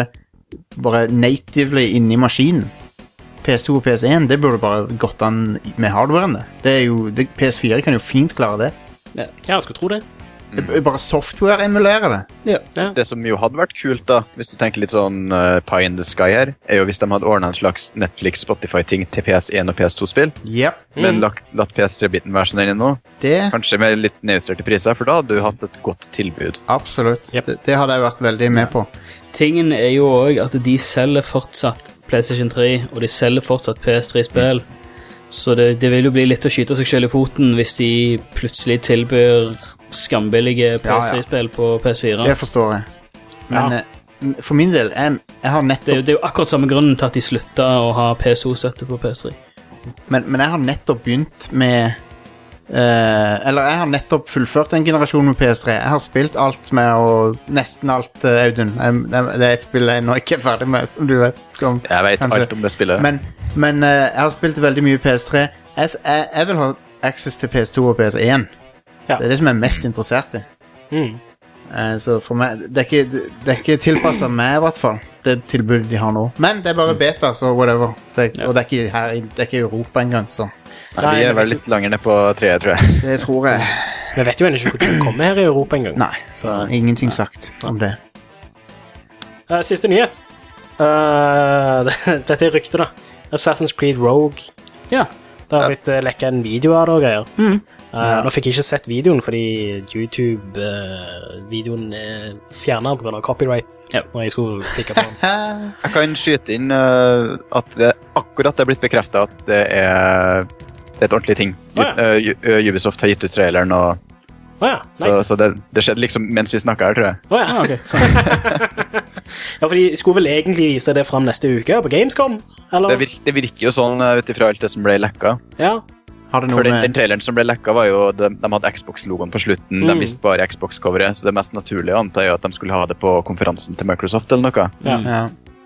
Ja, for Microsoft hadde jo en sånn stor eh, trailer til Gamescom. Hvor de sa eh, at de skulle bring the heat. ja. Bring Mhm. the Så Da noise. var det sikkert det. Men, men, det, men de gjorde det motsatte av bring the heat. Dette foregår jo i Arktis. Ja, Var det ikke New York det var, da? Nei, New York, også. New York også, ja. Men ja. Mm. den- den traileren er vel i- i Antarktika en plass. Å ja. Nei, ikke Antarktika, vel. nei, ikke det? Det ble Arktis. Arktis? For det er hvis New York og Antarktika Ja, er ja, ja. ganske lang avstand. Vet du hva jeg fikk i geografi på videregående? Ja, Jostein? Eh, seks. Nei, så dårlig matte var ikke jeg, men eh, Nei, hva fikk du? Nei, det var jeg Trenger ikke å rippe opp i gamle sårer. Ok, ok. Men, men ja, eh, det var bare en vits, Stian. Det var bare, du sa 'bring the heat', Ja. og så, så foregår traileren i Arktis. Skjønner du hva jeg, Jeg hva har jeg ikke sett traileren, så jeg vet ikke. Jeg har bare sett overskriften. Det er Masse snø, Ok. så det er ikke Jeg heat vet, i det hele ingen, jeg tatt. vet ingenting om det. Jeg vet bare Rogue-navnet. Eh, Eh, Du den- styrer sannsynligvis en templar. Ark Ok. men, men hør, Arktis is, Arktis sitt ishav slår meg som en veldig dårlig setting for et Assassin's Creed-spill. Jeg kan, jeg kan gi dere the scoop her, da. Ok. Ehm, ja, det vil foregå rundt eh, Det vil jo være oppe i Arktis òg, Ja, men det vil også være i New York. ok. ok. Så vil jeg være på den siden av, eh, av kloden, ikke sant? Ja, ja, ja. Og så er det båtkjøring, sånn som Det, fire. det er mye båtkjøring. Ja. Altså, en del av eh, pre-order-delsen har med båtkjøring å gjøre, så Hm. Er dette liksom Gangs of New York-aktige greier, da? Ja, Nei, vel, er kanskje det litt det? sånn? Eller Litt sånn, der, eh, sånn som i den filmen, for den er jo sånn 1800-tallet Mm. New York-opplegg. ja, Dette er 1700-tallet, da. Ja. Å ja, ok. Ikke så stor forskjell, men ja. Ja. Det, det kommer sikkert til å se ganske likt ut, sånn sett. Altså, Ja. Men du spiller en eh, assassin-jagende templar som heter Shay Patrick Cormac. Som har blitt eh, forrådt av eh, The Assassin Brotherhood etter, en, eh, etter et oppdrag gikk helt eh, på trynet. Left behind for dead. ja. One man with a one- grudge. One assassin. Ja, det, det hadde en litt sånn følelse over seg. det hadde. Let me tell you a thing or two about them, they're assassins. Eh, men Men- Hvor- Gjett gjett hvor mange Ubisoft-studio som er med å, å lage det. fem Seks. Ja. Ja. Det er to, tre, fire, fem, seks. Shit. Singapore, Montreal, Quebec, Chengdu, Milan og Bucharest. Ja. det, det kommer definitivt til å eh, bedre på den følelsen jeg hadde med Watchdog, med at dette spillet er laga av en komité. Mm. Det, det, det at det er laga av seks studioer, gjør det sikkert mye bedre. Ja. Men eh, dette er jo B-Assassin's Creed, da. Dette er jo liksom Ja, ja. Det, kommer, det kommer nå i november Ja. eh, på PlayStation 3, Xbox 360. ja. Og, Mm. og jeg kommer sannsynligvis ikke til å spille det. Mhm. For at jeg er opptatt med å spille Assa det nye Assassin's Creed-spillet. Ja, det nye Unity, liksom. Ja. Men da har du nå kost deg med juleferie nå. ja, det er sant. Mm. Fyr opp PS3-en Jeg, igjen. jeg vet ikke helt om jeg gidder å kjøpe et Assassin's Creed-spill på PlayStation 3. Altså. Nei. Det, Hvis det får sykt bra omtale, Ja, skal ja. jeg sjekke det ut. hvi- hvis det er bedre enn eh, Unity, liksom, så eh, sure. Hvis det er bedre enn Unity, så har Ubisoft fucka opp. Ja, ja, men Da har de, da har de fucka opp, altså. det kan jo godt være. Det som jo hadde vært spennende, hadde jo vært om de utnytta det, det at de spiller som en templar på, på, på spill, hvordan spillmekanikkene fungerer. Det er sant. Og da kunne det ha vært litt annerledes, for at, jeg vet ikke med dere, men jeg begynner å bli litt lei av å hoppe fra hustak til hustak. Altså. Ja. Jeg begynner å bli lei av å, å snike meg bak folk og høre på samtaler og sånn. Jeg begynner å bli lei av alle oppdrag i Assassin's Creed-serien. Mm. Ja. Det som er kjekt, er å loke rundt i de spillene. Altså, Yep. Styringen er jo dødskul, og sånne ting som det, men Fy- Sånn alle oppdrag Fireren eh, å seile på havet og sånn, Ja, ja. det er jo Det konge. var fantastisk, og altså, naturting Yep. og rundt det, det var awesome. Det var det. det var jo den beste delen av Assassin's Creed 3. Det var den Ja. store Frontier-området. Det var det. Mm. Det, eh, det, Og, og jeg er litt spent seilinga. på, den, eh, jeg er litt spent på det snølandskapet med tanke på det. ikke sant? Mm. Kanskje de klarer å utnytte det på en god måte. Absolutt. Altså, det med, det med Unity altså, jeg, Det blir garantert et helt fantastisk spill, men jeg ble litt sånn anti-stoked når det Å ja, det er i Paris. Det er en by igjen. ja. Jo. Men det, det ok. er Paris under den franske revolusjonen. da, Det er jo eh, Ganske interessant Ja, men periode. det er fortsatt Det er en by. det, absolutt. Det er, hvis de skulle, skal ha det i en by, så er det den perioden der som er mest Giljotin. interessant, tror jeg. Giljotin, Stian. Ja, ja. kan sikkert hoppe på giljotina og- mens de liksom kutter. og ja, ja. Vet, Og så vet du hva jeg kom på nå? Sinte, sinte mennesker. Du Masse av vet, du de. vet, I Assassin's Creed så er det alltid sånne I Assassin's Creed så er det alltid sånne ting Sånn tau du kan fyre deg opp sånn fort med. Ja, ja. Og så ødelegger du de som Hvis det er er, en- ved siden av deg unna, liksom. Hvis det er en giljotin, så er det sånn Så du kan kappe hu du kan kappe huet på noen samtidig, så du bare Ah, man. Du må være designer i Assassin's Creed, Jostein. Stemmer Du det. må ringe Ubisoft med en Norway. gang. Ja, Det er jo scene. Stemmer Si til dem jeg har den beste ideen, ansett meg. Ja. Mm. Eh, men eh, jeg syns Unity ser eh, ganske artig ut, da. Men eh, Mm. vi- d- tiden vil vise. Eh, Det, det er ikke unormalt å bli litt utbrent når de gjør det samme år etter år etter år. da. Tingen er, jeg, jeg trodde treeren skulle bli helt fantastisk, men fireren var mye bedre. Ja. Eh, På firen var jeg skeptisk til, liksom, og var litt sånn Mm. ja, ok, kult at det er pirater, og kult at de Ja. fokuserer mer på det beste i trien, liksom, men Mm. eh, det er nytt til Assassin's Creed, Så, liksom. Og tre- så var det sykt bra. treeren, var- treeren var mer hypa oppå. Ja. Ja. Ubisoft. Jeg var supergira på trien, og så var det bare sånn ah. Den var Det var Jeg synes skikkelig bra i fortsatt- begynnelsen. Jeg og syns så fortsatt ble- 3 var kjempebra. Jeg, Jeg syns eh, også treeren var kjempebra. Jeg, jeg synes det var skikkelig bra i begynnelsen. Sånn det beste spillet. Når første halvdel av det var liksom bare sånn Dette er det beste Assassin's Creed, liksom. Og så bare ble det så kjedelig. Nei, jeg likte at de Nice. prøvde liksom å altså Det var det er kanskje det mest ambisiøse Mm. Assassin's Creed-spillet til nå, Ja. føler jeg. Men eh, og jeg har en, ten, jeg har en tendens til å like spill som prøver å sikte litt for høyt, men kanskje ikke klarer det. ja. Så sånn, ja det, altså. det gjør jeg som- jo absolutt. jeg, for min del så var det jo det, om det at eh, hele den Frontier-greia det er jo det nærmeste jeg har kommet mitt favorittspill, som er Red Dead Redemption. Mm. Mm. Med bare altså stort, stort åpent naturområde med masse variasjon. Mm. Men Red Dead er jo Og- bedre, da, vil jeg si. Ja, ja. Ja, ja, ja. Det er det ja, absolutt. det er det. Men jeg sa det er det som har kommet nærmest, i hvert fall. Ja. Um, og, men det, det gjorde jo um, gjorde jo uh, Assassin's Creed 4 med, og en del med. Men det ble jo naturlig absolutt ingenting av det i Unity, Mm. En, eh, siden det er by. en, eh, ikk- en, jeg har en ikke-nyhet. OK. Som er, det er litt sånn der eh, murring om at det er problemer innad i Nintendo. Men det, det er ingenting som er bekrefta fra noe hold. Mm. Liksom. Det er bare sånn Å, er det noen som vil ha Iwata vekk, og sånn. Jeg leste det der jeg syntes det hørtes litt eh, Litt eh, shady ut. Eh, Det er derfor, jeg, det er derfor jeg kaller det ikke-nyhet. Ja. Eh, Men hva, hva, hva Hva er detaljene på det? Nei, Det, det, det som er shady med det, er jo at vi vet jo nettopp at eh, Iwata ble valgt igjen. Ja, Så det, hvis noen hadde hatt et problem, så hadde de jo gjort noe med det da. ja. Hvis et flertall hadde hatt et problem med han, så hadde de jo gjort noe med det da, liksom. Mm. Ja. så er det har de- noen har de som har- valg på Nei, men de, han har eh, Det er jo, det er jo eh, shareholder som velger det. Styr- Ikke Ja, ja, ansatte i sånn, ja, Nintendo. altså. ja, ja. uansett. styre, liksom. Ja. Men det, men det er jo management-biten i i Nintendo som skal være eh, misfornøyd med Iwata, i- ifølge ryktet her. da. Ja, ja. Ja. Hva, hva tror du, Audun, om det? Du, s- du sa du var skeptisk til det der. Nei, jeg, jeg, tror, jeg tror ikke jeg tror, Hvis det er noe, så er det i hvert fall ikke sånn at en, fl- et flertall eller en stor del av dem er, Nei. er irritert. Da er det heller noen som noen få som kanskje skjø- ser at hei, vi, vi taper penger, eh, Ja. kanskje vi burde gjøre noe med det. Ja, ja. ja for de, de taper jo litt penger, dessverre. Eh, med, selv med Mario Kart 8 så har de tapt penger, så det er jo det er litt kjipt. ja, det er det. Det Ja. spillet er jo så fantastisk. jeg, Så. Ja. Det er solgt nesten tre mil nå. Ja. Så Anyway, da tar vi en, tar vi en pause. Yeah. Da skal dere få høre intervju med Grant Kirkhope. eh, Og så når vi er tilbake, så skal vi snakke litt om eh, diverse spill. Mm. Og eh, ja, kanskje noe annet. også.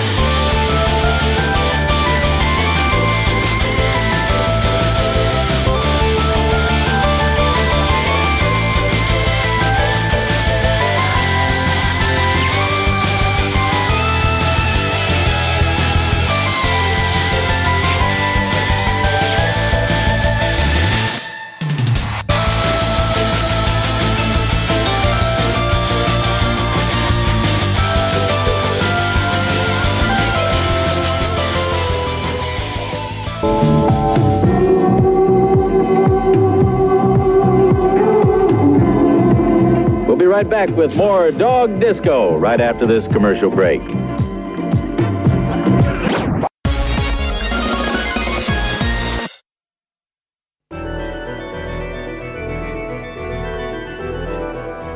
Hallo, det er Jostein fra radcrew.net. Tusen takk for at du hører på Radcrew.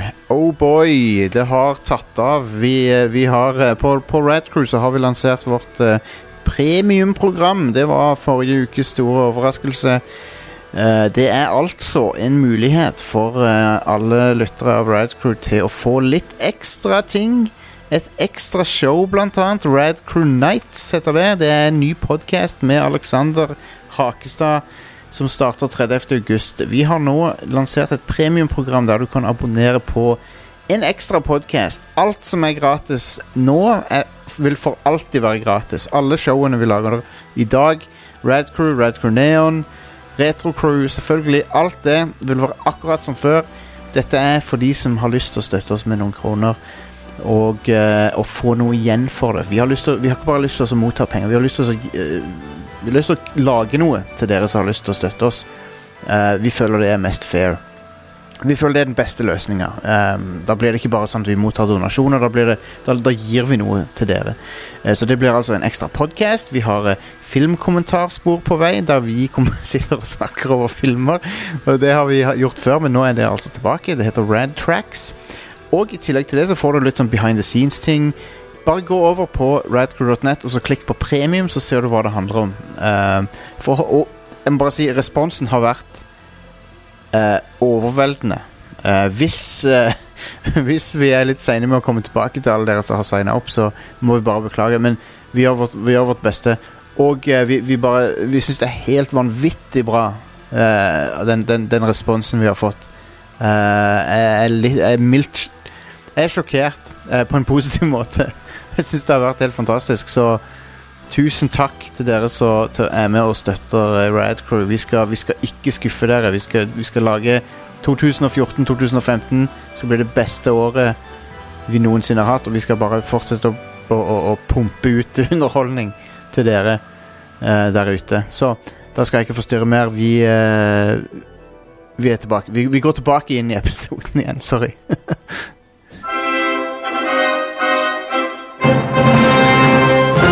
And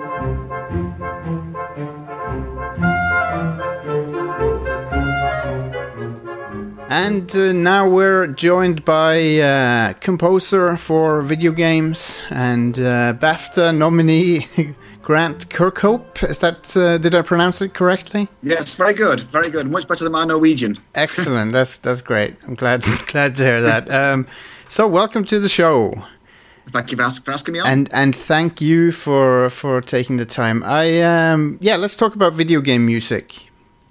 Uh, Nice. Cause that's cause that's sort of uh, that's what you're known for, and and uh, hopefully, yes, hopefully. yeah, well, um, and of course you you got your start in the in the nineties uh, in- at uh, Rare. Is that yeah, correct? ninety-five. Yeah. Um, what was the f- what was the first game you worked on there? Was it GoldenEye? Yeah, properly. Like I did, I did do um, my first thing to do there was actually converting Dave Wise's tunes from uh, Donkey Kong Country 2, Diddy Kong's Quest, to the Game Boy Oh right. from the SNES. So I kind of did that for like kind of like since from like September to not October to Christmas, and then um, I went on to Goldeneye from then. Cool. Uh, was that? A, I, I'm curious as to wa- was that a challenge to, to convert that music to from like a 16-bit system to an 8-bit? Uh... Yeah, a little bit. I mean, I mean, Dave was pretty good at like showing me how it all worked. Um, so um, he'd done a lot, a lot of Game Boy stuff. Um, but it was like you know, the Game Boy's only got three channels and a noise channel, so you got one note per channel, and then the noise channel did the drums and the sound effects. Yeah. So you had to kind of make his tunes and harmony work with three notes. So like a bass note, a harmony note, and a tune note at the top. So that that's how you did it. So it was like a bit tricky. But Yeah. At the start, it was a little bit like, "Oh my god, I can't do it. I'm gonna have to resign." Um, but then, um, I actually quite enjoyed it in the end. 'cause it kind of it was quite a challenge to try and get things to sound, you know, reasonable uh, on a Game Boy after being on the SNES. So it was good fun in the end. Yeah. No, I, actually, I seem to remember playing uh, playing that game and, and noticing that the that the music sounded pretty good for a Game Boy game. So. Oh, that was very kind. I'm sure it's Dave's tunes rather than to my efforts.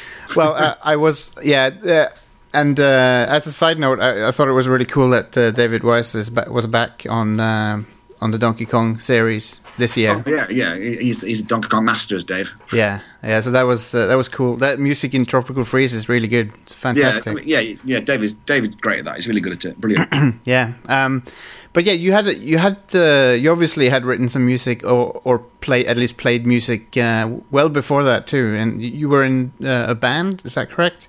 yeah, you know, I did the usual kind of school orchestra stuff, you know, Yeah. and did I play? I was kind of classically trained trumpet player, and I played recorder. Cool. And then I got taught to play. I taught myself to play guitar about eleven, and I just I played in rock bands. You know, I was a bit a bit massive metal fan, and I wanted to play in metal bands and all Yeah. that stuff, and ended up playing in a couple of um reasonable well known bands in the UK.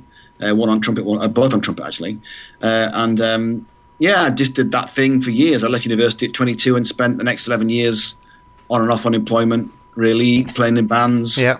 I did that till I was 33. That's what I did. Yeah, and then and then you started at Rare. Eh, wait, I mean, it wasn't quite as easy as that. I, I did send Rare sort of five cassette tapes over a year, and I didn't Yeah. get a reply. Then, bizarrely enough, got a, an interview request, and I got the job. So, it's- but Robin Beanland was already there. He was a good friend of mine, so Right. he was the one that taught, that kind of said, you know, it's about time you got off unemployment and got a real job. so uh, I had credit Robin with all my whatever happened to me is, is his fault. well, that's that's cool that you. Uh, well, it, but that that turned out to be very fortunate for you then to to, to start there because that. Oh, you- oh, you're joking? Yeah, Fant- I mean, you Yeah. know, I just had no idea really. Robin had been there a year and a half and he working on Killer Instinct, and and absolutely loving it, and you know, just said it was a fantastic place to work, and I was so jealous. yeah, Um, but he suggested that I had to go. He said, "Why don't you just try and do what I'm doing? You know, get a copy of Cubase and a crappy Atari ST and try and write some music for games and you know see what happens." And that's what, that's just what I did for about a year. Just I, do, I had no idea whether whether I'd do it or not. I just thought I had nothing else to do. I was on the unemployment, so that was it. Yeah. yeah. So after after Goldeneye, what was next? Um, I started doing Dream after that because I, I, had- I didn't quite finish Goldeneye because Graham Norgate was doing Goldeneye when I got there. And he was doing Blastcore too. And he was right, really busy with Blastcore. So he said, well, you- why don't you take over, Gla- take over Goldeneye while I'm doing Blastcore? So I did that. Yeah, I kind of got, well, near to the end of Goldeneye, I thought I was. And then Tim Stamper and Greg Mails came to see me in my little room in, at Rare and said, you know, can you play us your tunes? And I thought, oh my God, I'm going to get fired. They're so awful. They hate me. Uh, and then s- after- they said, right, oh, that's great. Can you come and work on Dream with us now? I was like, well, I, well, I have to finish, you know, go. So, no, no, no. You're going to work on Dream with us right now. I was like- I didn't realize they were the bosses at the time. I just thought they were just two blokes. Uh, so yes, so I kind of finished um, off what the tune I did for Goldeneye, and then went to do Dream because Dave was doing Dream, and we'd gone do it together. Cool. And then Dream sort of um, on the SNES it was, and then it converted to the N64. Yeah. Dave, uh, Chris Stamper wanted Dave to do uh, Diddy Kong Racing, so it left me with Dream to do by myself, and then that turned into Banjo Kazooie. Cool. Hmm. And of course, Banjo Kazooie, probably one of the things that uh, people know you. Uh, bet like that's probably one of the things you're most known for is the Banjo Yeah, Kazooie. yeah, I think so. Yeah, it was very, fu- you know, one of those things that you just kind of, I don't know why everyone likes it so much. I did, I did my best, obviously, at the time. Well, there's a lot of well, uh, if I may, I think it. I think it has something to do with the. There's a lot of catchy tunes in it. I mean, you know, working at Rare in those days, you know, Tim and Stamper and Greg Mails, the kind of, you know, the head design guys, were like, they were massive Nintendo fans because, you know, we were partly owned by Nintendo. And they used to always, into all the guys that worked there in music, used to say, look, you know, you need to get, your tunes need to be as memorable as the Mario tunes or Zelda tunes. They're fantastic tunes. You can play them over and over and over again and not get tired of them. So they really preached to us that. That was the biggest thing for us to, to try and write music that was you know, rem- memorable and didn't get annoying and all that kind of stuff. And Yeah. you just, did, you just did your best, really, you know. And like, you know, I played all the LucasArts games at the early days, all the, the, the Tentacle and Monkey Island, and all because they loved those games too. So Yeah. played all those to try and figure out what they were doing with it all. I mean, it's like that was it. And I, cou- and I, I another thing I'd say is that because we had limited resources back then, you needed a very small, you know, sort of set of instruments you could use because the memory was so tiny. You know, you had to you had to make the best of what you had. And in some respects, it's like the Game Boy. It kind of was a challenge to try and make something sound decent with a very few instruments or low quality stuff. So Yeah. y- you had no there was no flashing, there was no amazing synth to use. It was just like do your best with these little crappy little sounds, you know. So I think we tried to write tu- the best tunes we could with the best harmony we could at the time. I think it's a good skill to learn. Yeah. Was uh, did you find the uh, N64 in particular a bit uh, bit hard to work with uh, hardware wise or Uh, no, not really. It, it was just another. It was my first console I'd ever worked for, so I Yeah. had no idea what to expect. You know, it was it was kind of. It usually starts off the first few games that right for the console that come out early. have got small memory. It gets bigger towards the end. So like Banjo Kazooie or Banjo Tooie got bigger. Perfect Dark Yeah. got bigger. The space for music. Yeah. Um, but at Golden, I was tiny, um, and Banjo wasn't that big. Um, so yeah, you just get used to it, and you just get used to the limitations, and try to make it sound as good as you could with what you had. yeah. Um, style wise, what would you say? Um, are, are there any are there any um, uh, influences that that you um, think like eh, eh, when when you think of the the style of music that you normally normally write? o- Obviously, in the in in the recent years, you've you've sort of branched out a bit with the writing uh, more uh, bigger scores and stuff like that as well. Yeah. But but uh, wh- what are what would you say are your main influences musically? I mean, if, if you mean other, other composers, you mean that kind of thing. People yeah, I like. yeah. I mean, you know, John Williams is my ultimate hero. Well, mine too. Um, yeah, yeah, and I think uh, early on I was a massive Elfman fan as well. I, like- I liked I liked his Batman scores and Beetlejuice and all the early stuff. And I do feel like his return to form. I didn't. I, ca- for me, even though he's, he's an amazing composer, don't get me wrong, I just didn't find some of the stuff he wrote recently that great. But recently-ish, I thought he's really got a real return to form. I think. yeah, Um, but Williams has been, you know, forever been my kind of biggest thing. Yeah. Um, but, you know, I've, I'm a bit strange because I do have a massive. I still like metal bands a lot, you know. So yeah, so I still listen, listen to that stuff really. So I'm a bit of a strange one. I do listen to kind of films, movie scores, and metal really. yeah, yeah. That's my and that's the things that I like to do most. so, uh, you know, um, but I mean, um, I'm I'm very bad at listening to new music. I've always been that way. Hmm. Uh, Uh, if people, if, if I've got a friend who tells me a band's great, I'll just I won't I won't listen to them on purpose. I can't stand it. I'm, I'm awful. And it's really bad, and I'm awful at that. so I tend to stick to the same things over and over and over again. yeah, So for me, it's like Williams. It's like you know the first three Harry Potter soundtracks that he wrote, which I think are phenomenal. So that's my kind of go-to Oh, yeah. textbook of how to write music. Um, you know, I still listen to uh, like Hook by him is also phenomenal. You know, Oh, yeah. Jurassic Park. You know, I s- yeah, into all that stuff. absolutely. I like the Elfman Batman scores. I like it. I love his Spider-Man stuff. That's great as well. Um, you know, I still like Vaughan Williams' Fifth Symphony and Elgar, Enigma Variations, and Delius, La- you know, La Calinda, and all. uh, Just like I'm a real kind of magpie. Pick bits that I like and listen to those all the time.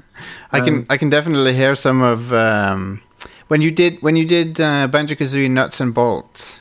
Right. Uh, you you sort of uh, you you did seem to tap into some uh, b- both a little little bit John Williams and some Elgar as well. It, it had yeah. some Yeah, especially I think when I did uh, Viva Pinata, I was Oh, trying yeah. to get that kind of you know English sort of 20th century composer, you know, like Vaughan Williams, uh, Elgar sound. That was my Yeah. attempt at being like that. And even though I don't think I, I could get anywhere near those guys, it was my kind of take on what they were doing because I loved that stuff so much. Yeah, it was uh, the music in uh, the Viva Pinata games is sort of like a, it's very pastoral and and uh, yeah, it's it, it did have a very English sound to it.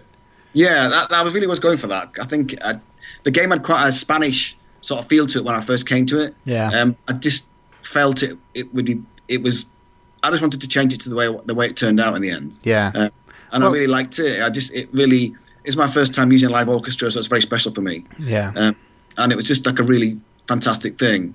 It- And when I it- was doing, uh, sorry, when I was doing Amalur, Kingdoms of Amalur Reckoning, there's an area there called uh, Plains of Erethel, and that's uh, a really kind of Vaughan Williamsy take on that. I- It was a very lush grassland in that game, and I wanted to try and I used like all major chords, didn't use any minor chords hardly at all if- for other pieces for that area, and it's a very kind of modal English sound, or at least I think it is, and yeah.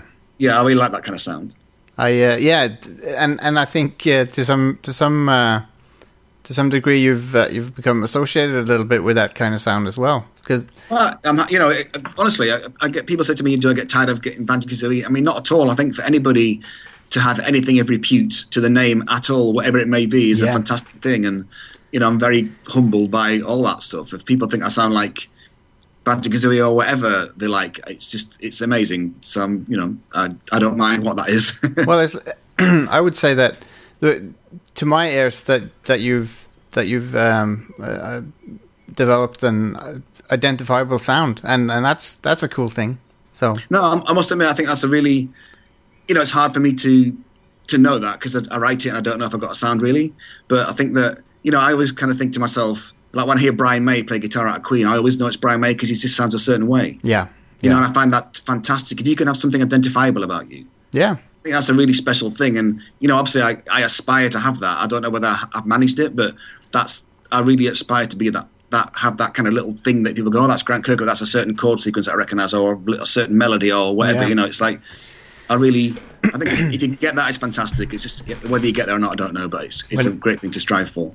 yeah. Because when I when I booted up um, K- Kingdoms of Amalur f- for the first time, I, I did think that oh, there's something something familiar about this, and then and, uh, and not not that not in the- not in the sense that it, I'd heard it before, but it's just the the style was um, it was uh, rec- making me recall something, and then I looked it up, and it turned out it was you that had done the music f- for it, and uh, That's that's that's that's, my, that's the best thing anyone ever say to me. So thank you, thank you very much. but. But uh, uh, I'm I'm very much into film music as well, so so uh, I, I listen to a lot of scores and and um, I've uh, I'm um, yeah I, I like recognizing com- composers' different styles and stuff like that. It's it's Yeah, I think it. Yeah, I think that you know, I think most composers have things just- just like the sound of that you like to. Yeah. You like to hear and chords a certain chord sequence or a certain even John Williams you can recognize him because of the, because of his orchestration and you, you know the, the, the chord sequences that he uses they're, they're recognizable you know so I think that it's it's if you can get a sound people recognize that I think that's um, an amazing thing and as I say that's what I constantly strive for. Yeah, absolutely. Um, uh, when it comes to uh, uh, Kingdoms Kingdoms of Amalur, that must have been maybe the most ambitious uh, score that you've done. Uh, is that correct to say? 'Cause it cer- Yeah. certainly sounds like it. Yes, definitely. It was the biggest orchestra, and it was the most kind of full-on thing I'd ever done. I'd kind of, I'd done like decent-sized orchestra in banjo nuts and bolts. Yeah. Uh, you know, quite a nice pastoral thing for Viva Pinata, but it's the first time I kind of took on something that was could, well, in my eyes, could be like Lord of the Rings, Harry Potter sort of like you know capacity, like the kind of the the, the, gra- the grandness of it all. Yeah. You know, so and that, and, I, and I've said it a lot of times, but I really honestly spent at least nine months listening to the first three Harry Potter soundtracks, you know, back to back in the car every single day. Like I didn't listen to anything else for that entire time. Right. And if it sounds like that, I'm not apologising for it because I love that music. Yeah. Exactly. It- uh, Um, Yeah. it- so I just wanted to. I wanted to learn. I want in my own. You know, I'm, I'm not for one minute saying that I could accomplish what John Williams accomplishes by any means, but I was just trying to get understand what he did yeah. with, you know, how he wrote, how he got that s- such an exciting thing, like in the Quidditch battles and all the big, Yeah. the big monster battles. It's really exciting music with big themes and then like really, you know, elaborate technical stuff in between the big themes. And I just wanted to try and, in my own way, try and do it. You know, Yeah. I just and I just listened to it over and over and over again and started to pick up things and understand how it was put together and I just had a go at it really and the, the boss pieces in Amalur the kind of my attempt to, to get that kind of sound you know Yeah, uh, I also I really like the the the main theme for Amalur. I think it's really uh, it's appropriately epic uh, fantasy oh, theme. oh, no I I must admit I had a, I had a couple of goes at that I, I, I couldn't quite get it right uh, and I you know I've actually got an alternate version to that main theme I think it might be on my, my website actually which I, which I couldn't decide whether to put that as a main theme or a, le- a piece later All right. and ended up choosing the one that's in the game. But there's another, there's an alternative version that's more like a Star Wars representation of it, you know, a very structured thing. Yeah. Uh, I say it's on my website that is, but um, so but no, I'm, I, lo- I was happy with the main thing in the end. I think it just couldn't quite get it right at the start. I, I quite like how the the chords are. It's like a huge. Uh, the- the- the- it's, it has a lot of breathing uh, space. That that theme is like v- very epic and it sounds very big. Yeah, and, and, uh, that chord sequence too. It's like I think it might have been C. I think or maybe I can't remember what key it's in, but it was like C minor to B major. That kind of um, Yeah. progression that gives it that kind of. I, I'd like you say it sounded it just sounded epic, sounded epic to me. Yeah. So um, you never know if it sounds epic to anybody else. so I'm glad you think so too. Uh, yeah, no, I think I think it's really cool. Uh, but uh, m- I think my uh, uh, my my personal favorite is uh, the Nuts and Bolts, which I, which I thought was uh, it's it's also a brilliant game. I think it's, it's a very underrated uh, game, and I, I think that if if Nuts and Bolts came out now on Steam or something like that, and it and it maybe didn't have the Banjo Kazooie license attached to it, then I think it would be a huge success because the the game mechanics are very. Uh, it's very, very well put together, I think, in that game. yeah, yeah. I must admit, my, my son's um, i- uh, nearly twelve, and um, when we were in Maryland, he sort of um, you know had the game and liked it, and all his friends put it, and that's their favourite game. When they come to our house, like, they always want to play that game. Yeah, it's it's great. Uh, Yeah, because they, they've got no sort of preconceptions about Banjo Kazooie. They've never heard of Banjo Kazooie. They're only kids, you know. Yeah, Uh, and they absolutely loved. They loved the building. They were like the blueprints and absolutely adored it. You know. Yeah. So it was, it was. I think it was one of the things that Microsoft didn't push it to the right people. exactly. That and that's that's what I think is that uh, maybe if it wasn't a Banjo Kazooie game, because maybe the Xbox audience didn't really have a connection to Banjo Kazooie. Yeah, and I think that also you know, the Xbox hasn't got the, the, the kind of the most broad appeal demographic really. Yeah, I think that the, it's quite an old console for, for older people. So Microsoft bought Rare to try and give them that broad appeal thing, yeah, which was a good idea at the time, but it was only really us doing it. So yeah, Rare couldn't produce enough games to make the Xbox or the Xbox 360 broad appeal. We couldn't do it, you know. So No. um, we needed other, other people to help us out. So Yeah. they didn't have anybody else doing it. So I think, like you say, it's, I think that game, if it wasn't Banjo Kazooie, it would have been would have maybe a bigger success. You know, I don't know. yeah. But uh, obviously, I I really enjoyed the fact that it was a Banjo Kazooie game that sort of. Uh, made a little bit fun of previous Banjo Kazooie games in some Yeah, that was yeah, that's great. I mean, Greg Males is the lead designer of that guy, and Greg's Yeah. a good friend of mine. And I mean, you know, he's he's humor's. That's one of the things that kind of jailed with Banjo Kazooie in the ver- in the early days. All the team had a similar sense of humor, that kind Yeah. of British quirkiness. yeah, yeah. and it just you know we, it was all of that was just great for him to do and i think greg's sense of humor was fantastic in the early part of that game and like you know like you say it was it was very funny and very good Yeah, yeah. Uh, but the music in, in Nuts and Bolts, I thought was uh, is, is terrific. It, it has um, it has a sort of it it almost sounds a bit like uh, some of it sound, reminds me of uh, Julian Nott's music for uh, Wallace and Gromit a little bit. you know what I, I never thought about that but people have mentioned that to me and the minute i thought about it i thought god it just sounds exactly like that And I- at the time, honestly at the time it just never occurred to me but i've heard that comparison a lot uh, but it does really sound like that kind of Wallace and Gromit kind of brass bandy umpire thing. I just thought, God, it, it's so right. It sounds exactly like that. Yeah. Um, So yeah, because I was doing uh, Viva Pinata two at that time and Nuts and Bolts at the same time, I couldn't get through Nuts and Bolts, and also I knew I was going to be leaving Red at that time as well. Yeah. So Robin Beanland and Dave Clinic, you know, both did tunes for that game, and they did a fantastic job, the pair of them. Um, so um, yeah, it was great fun to do. I mean, you know, it's great to go back to live orchestra again, and I thought that we, I suppose that banjo line was my favorite piece for me because I kind of wanted to get as many of the old themes stuck in there as Yeah. possible Yeah, and uh, it, that was fun to do and to try and you know piece it all together. Yeah. Um, so yeah, no, that was also great fun to do, of course. Yeah. but yeah, you, you, you ended up leaving Rare. Um, is that is that something that was was hard to do? Oh, you tell, oh, it was absolutely hideous. I can't. I mean, I've said it a lot of times, and people. Can't, it was my mother died in 1999, and it was it was as traumatic for me emotionally as that was. It was Yeah. it was absolutely the last day there. I can't remember. It was so dreadful. I just cried the entire day. Yeah. Um, I couldn't. I just couldn't. I don't know. I, I thought I'd be at Rare forever and ever and ever and ever. I really did. I'd, I'd no desire to leave Rare ever. I thought when I first got there, I couldn't believe how fantastic it was. Yeah. I just thought I'd be there forever, and just didn't want to be. Af- After that time, I didn't. I didn't feel like it was the right place for me to be. Yeah. And I, I- we, we always wanted to give America a glow. And my wife and me wanted. We, we- we're a big sort of American. pe- You know, like we like the American culture and all the stuff. You Yeah. know, so we thought we should give it a try. And it just popped up. That it popped up, and we went. You know, Yeah. um, it was an awful. It was an awful day. I never forget that day. Dreadful. Yeah. Um, I, and then you went straight to uh, 38. Yeah, well, it was Big Huge Games. Big, then. They were huge. owned by- Sorry. Yes. Yes. Yes, of course. yeah, they were owned by, owned by THQ then. Yeah. Um, and we're doing a game there called Crucible, which wa- well actually was Reckoning. Really, it looked exactly the same as it. and then uh, THQ had uh, financial trouble, and um, said they're going to sell us off. So I was like, oh my god, I've only been here six months. I, I could be out the country in ten days because like, my visa would get rejected. Yeah. Um, and then Kurt stepped in, and uh, Chilling Thirty Eight Studios stepped in and bought Big Q's Games kind of at the last minute. And then they had that game going, uh, that code named Copernicus. It was you know, Yeah. uh, and then um, so we basically just just kind of adapted their law and put it in the game. The look of the game didn't change at all. It was identical to how we how it was for Crucible. yeah. Um, and just took their kind of story and all that, and just, just did that game. Yeah. Yeah. Uh, I th- I think it turned out pretty well. No, I'm pleased with that. I think you know, I I honestly think it's, it was a great shame. We were so close to doing the second one. We were working on the second game when it all went down, Yeah. um, and we had another publisher because EA partners um, decided not to take, pick up the second game Right. because I think they, I think they knew there's blood in the water. Then I think that they knew that that 38 was on dodgy ground, um, so I think they backed away. I, I mean, ironically, we were the only million-selling game that EA have never done a sequel for in their entire history. Huh. So, so it's pretty obvious it's, that they'd sniffed something was going wrong. Yeah. But we got another publisher deal on the table. It was a big deal with another big publisher, It was- and we were looking forward to it. We started doing the second game, but then just 38 just completely ran out of money. It just Yeah. all fell to pieces. Yeah. And that that was uh, that was quite that was something to to to witness from like even from from my outsider perspective. You could tell that something crazy was going down.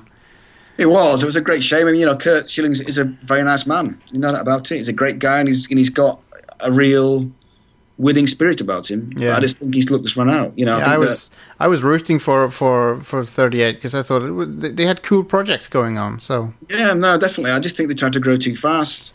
Um, it just the governor of, of you know uh, Providence, uh, whatever it is, uh, where is it? Not Providence, um, Rhode Island, didn't like it, and so I really think he had a little bit of an uh, an axe to grind with Kurt, and he kind of let things slip that he shouldn't have done. ah, because I think that we would we would have we would have pulled in that that deal was on the table, like we were two days away from signing it when it all went down yeah, because the governor mentioned that there was, you know, it might be slightly insoluble kind of thing, like you know, at, at uh, you know, at 38, and that ruined it for everybody. That was it. It went down at that point.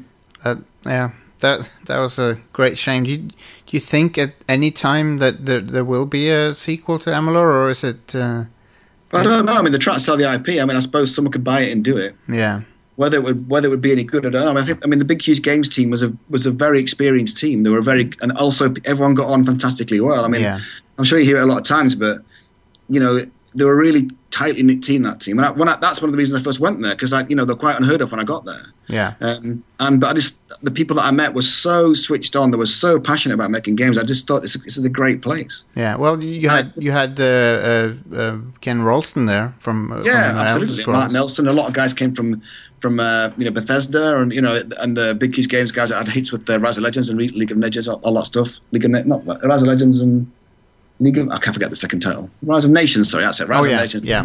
those two. Uh, they've done well, you know. So they're, I mean, so they're very experienced, very clever. Uh, people, so it was just you know it, it, it was a it was a real big shame that it, it, it all it all came to came to nothing. Yeah. Um, I noticed you um you, you worked on Killer Instinct two. Is that right? J- just to go Yeah. back a bit. Yes. Were you yes, ev- but I just played. I just played guitar on that. I thought I might have to play trumpet too, but just guitar. Yeah. Were you ever asked to um to do anything for the the new Killer Instinct? No, no. I, No. I, I was just Rob, Robin Beanland. I think was thinking about it Yeah. because he he did all the music for Killer One and Killer Two with Graham Norgate for Yeah. the first one. Uh, but I think it just I, I, I don't know what happened, but he didn't end up doing it. So Yeah. um, the the guys the other guy d- ended up doing it. I think um, while I think Killer Instinct the new one came out pretty well, I think a lot of people were a bit surprised that Rare wasn't doing it. Well, you know, that's a bit that's a hard one. Yeah. I don't know why that happened. Um, I can't and I, w- I can't imagine why it wouldn't have been Rare that made it. Yeah, it's strange. I guess they were busy with Connect Sports too, probably. I, you know, uh, they're the right Connect Sports rivals. Yeah, Uh, yeah. You know, I don't know. Who knows? Um, oh, uh, C- Castle of Illusion starring Mickey Mouse. That was cool. Th- uh, that you got to sort of reimagine the Sega Mega Drive. Uh, Yes, that, that Soundtrack. was fantastic fun. I had a very good friend called Jeremy Taylor, who was the audio director at uh, Sega Australia. He said to me, "You know, Grant, do you want to do the Mickey Mouse game?" I said, "Well, what do you want me to do?" He said, "Well, you know, we need to keep some of the tunes from the old game, but not all of them." He said, "So we'll pick out the ones that people will remember, Yeah. and then for the other ones, we can do, you know, you can do some original songs." I said, "Well, great, you know." So Sega happy with that, and because me and Jeremy are great friends, you know, we had a really good time making that game.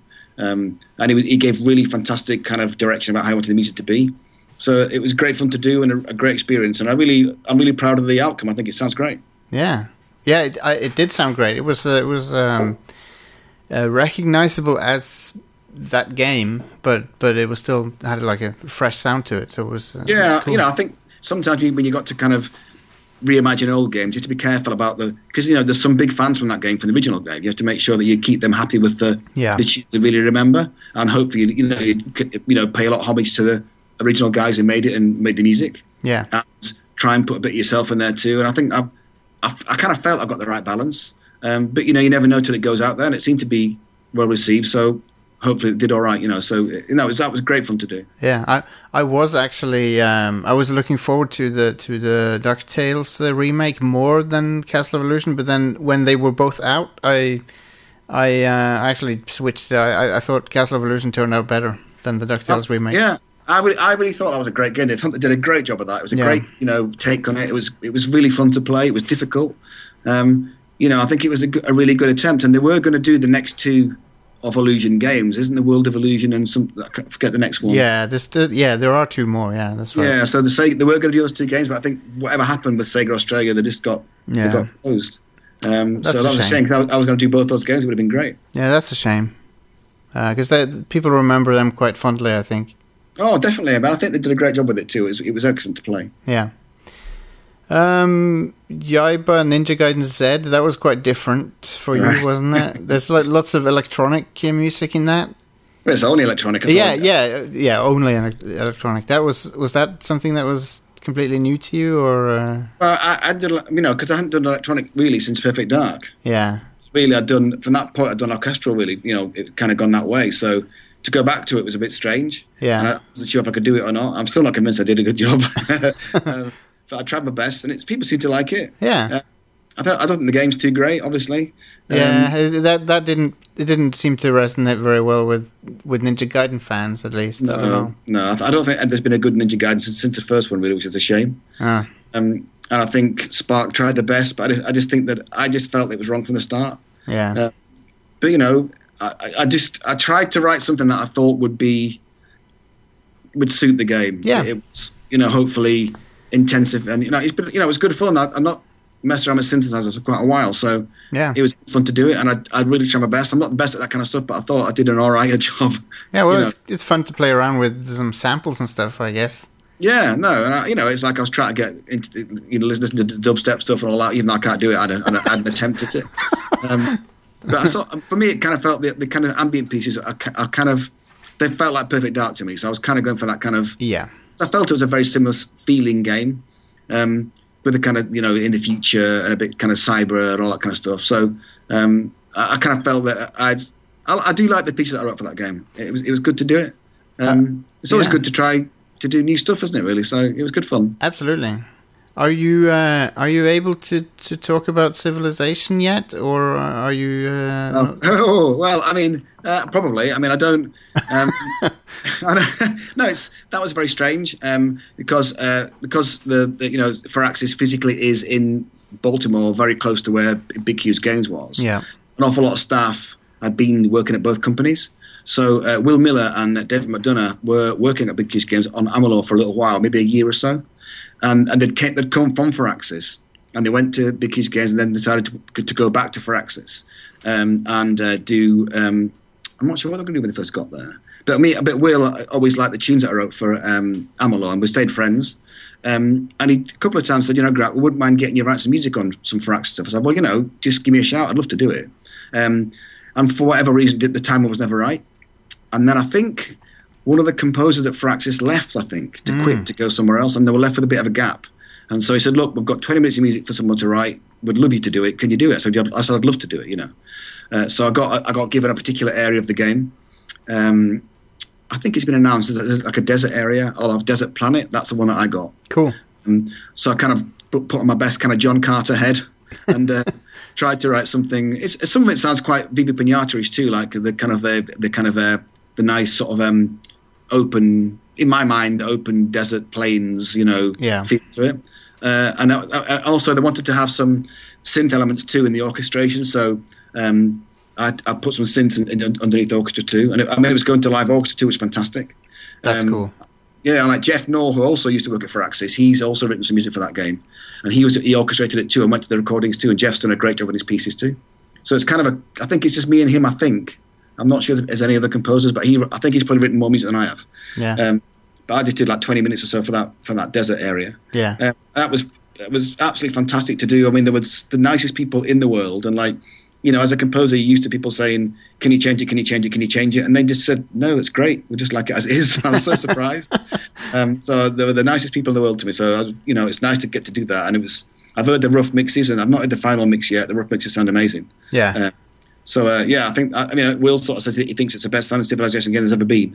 cool. Um, so um, I hope it I hope it turns out great. So I'm, you know, I'm just looking forward to hearing it in its final form. You know, yeah. I, I think it's uh, ho- hotly anticipated because it's sort of like a s- spiritual successor to that Alpha Centauri game.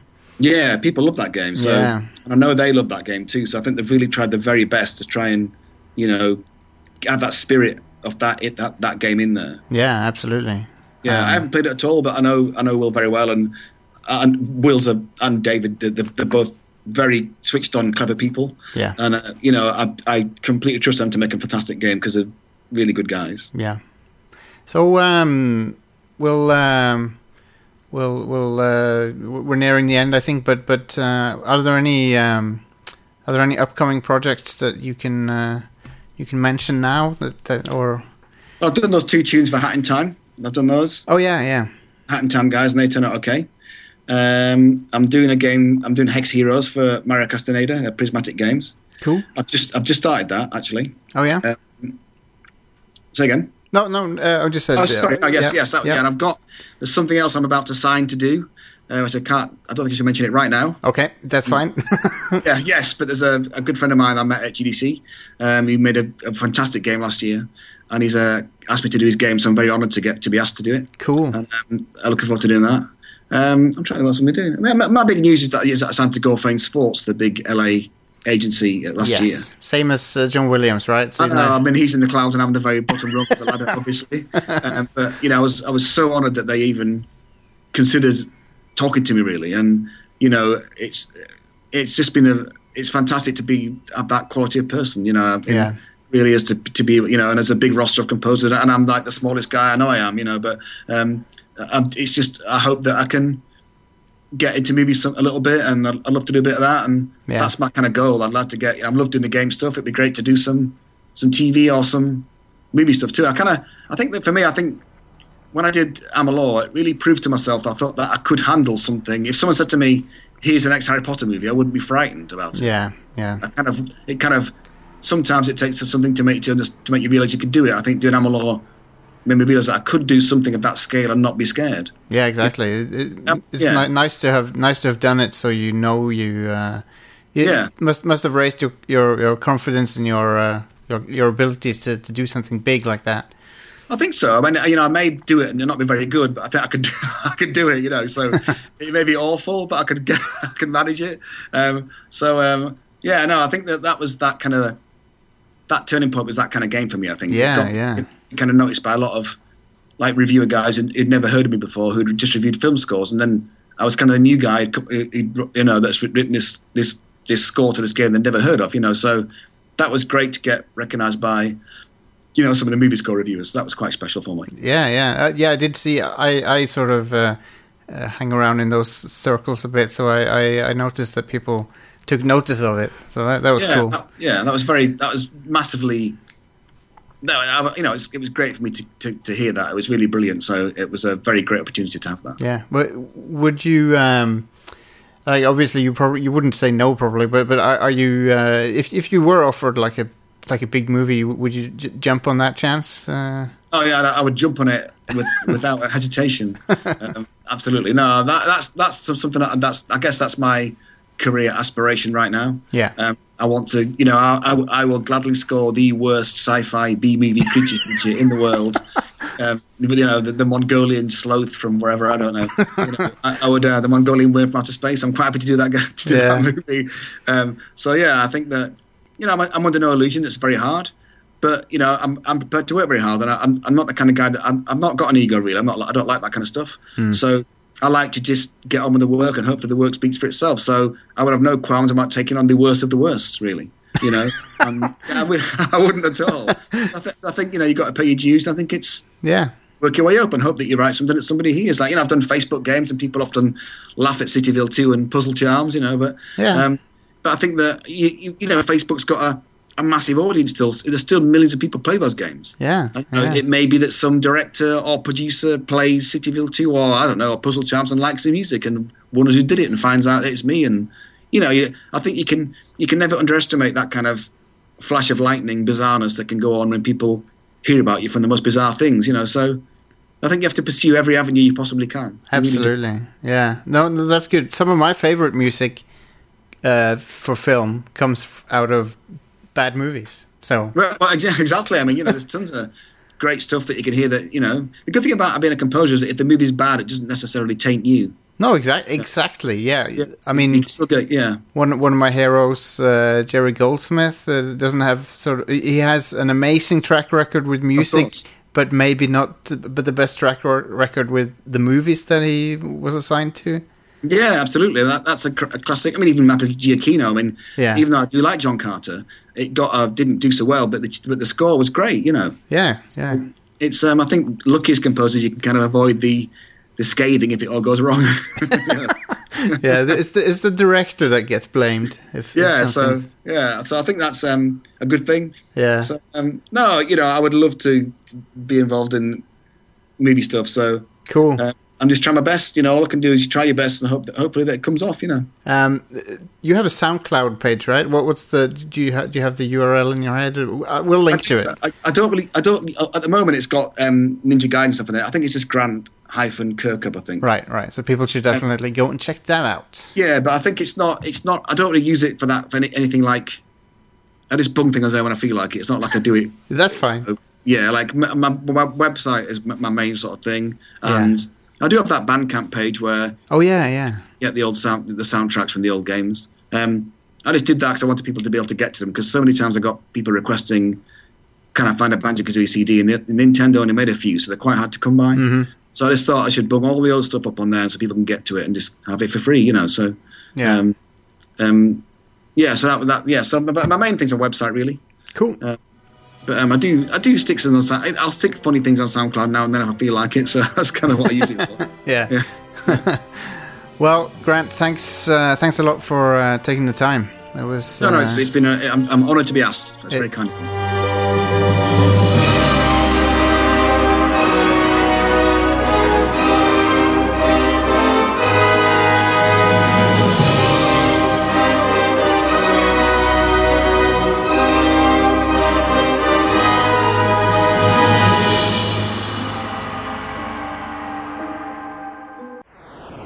Dette er han eh, skalla fyren i VG, og du hører på Rad Crew.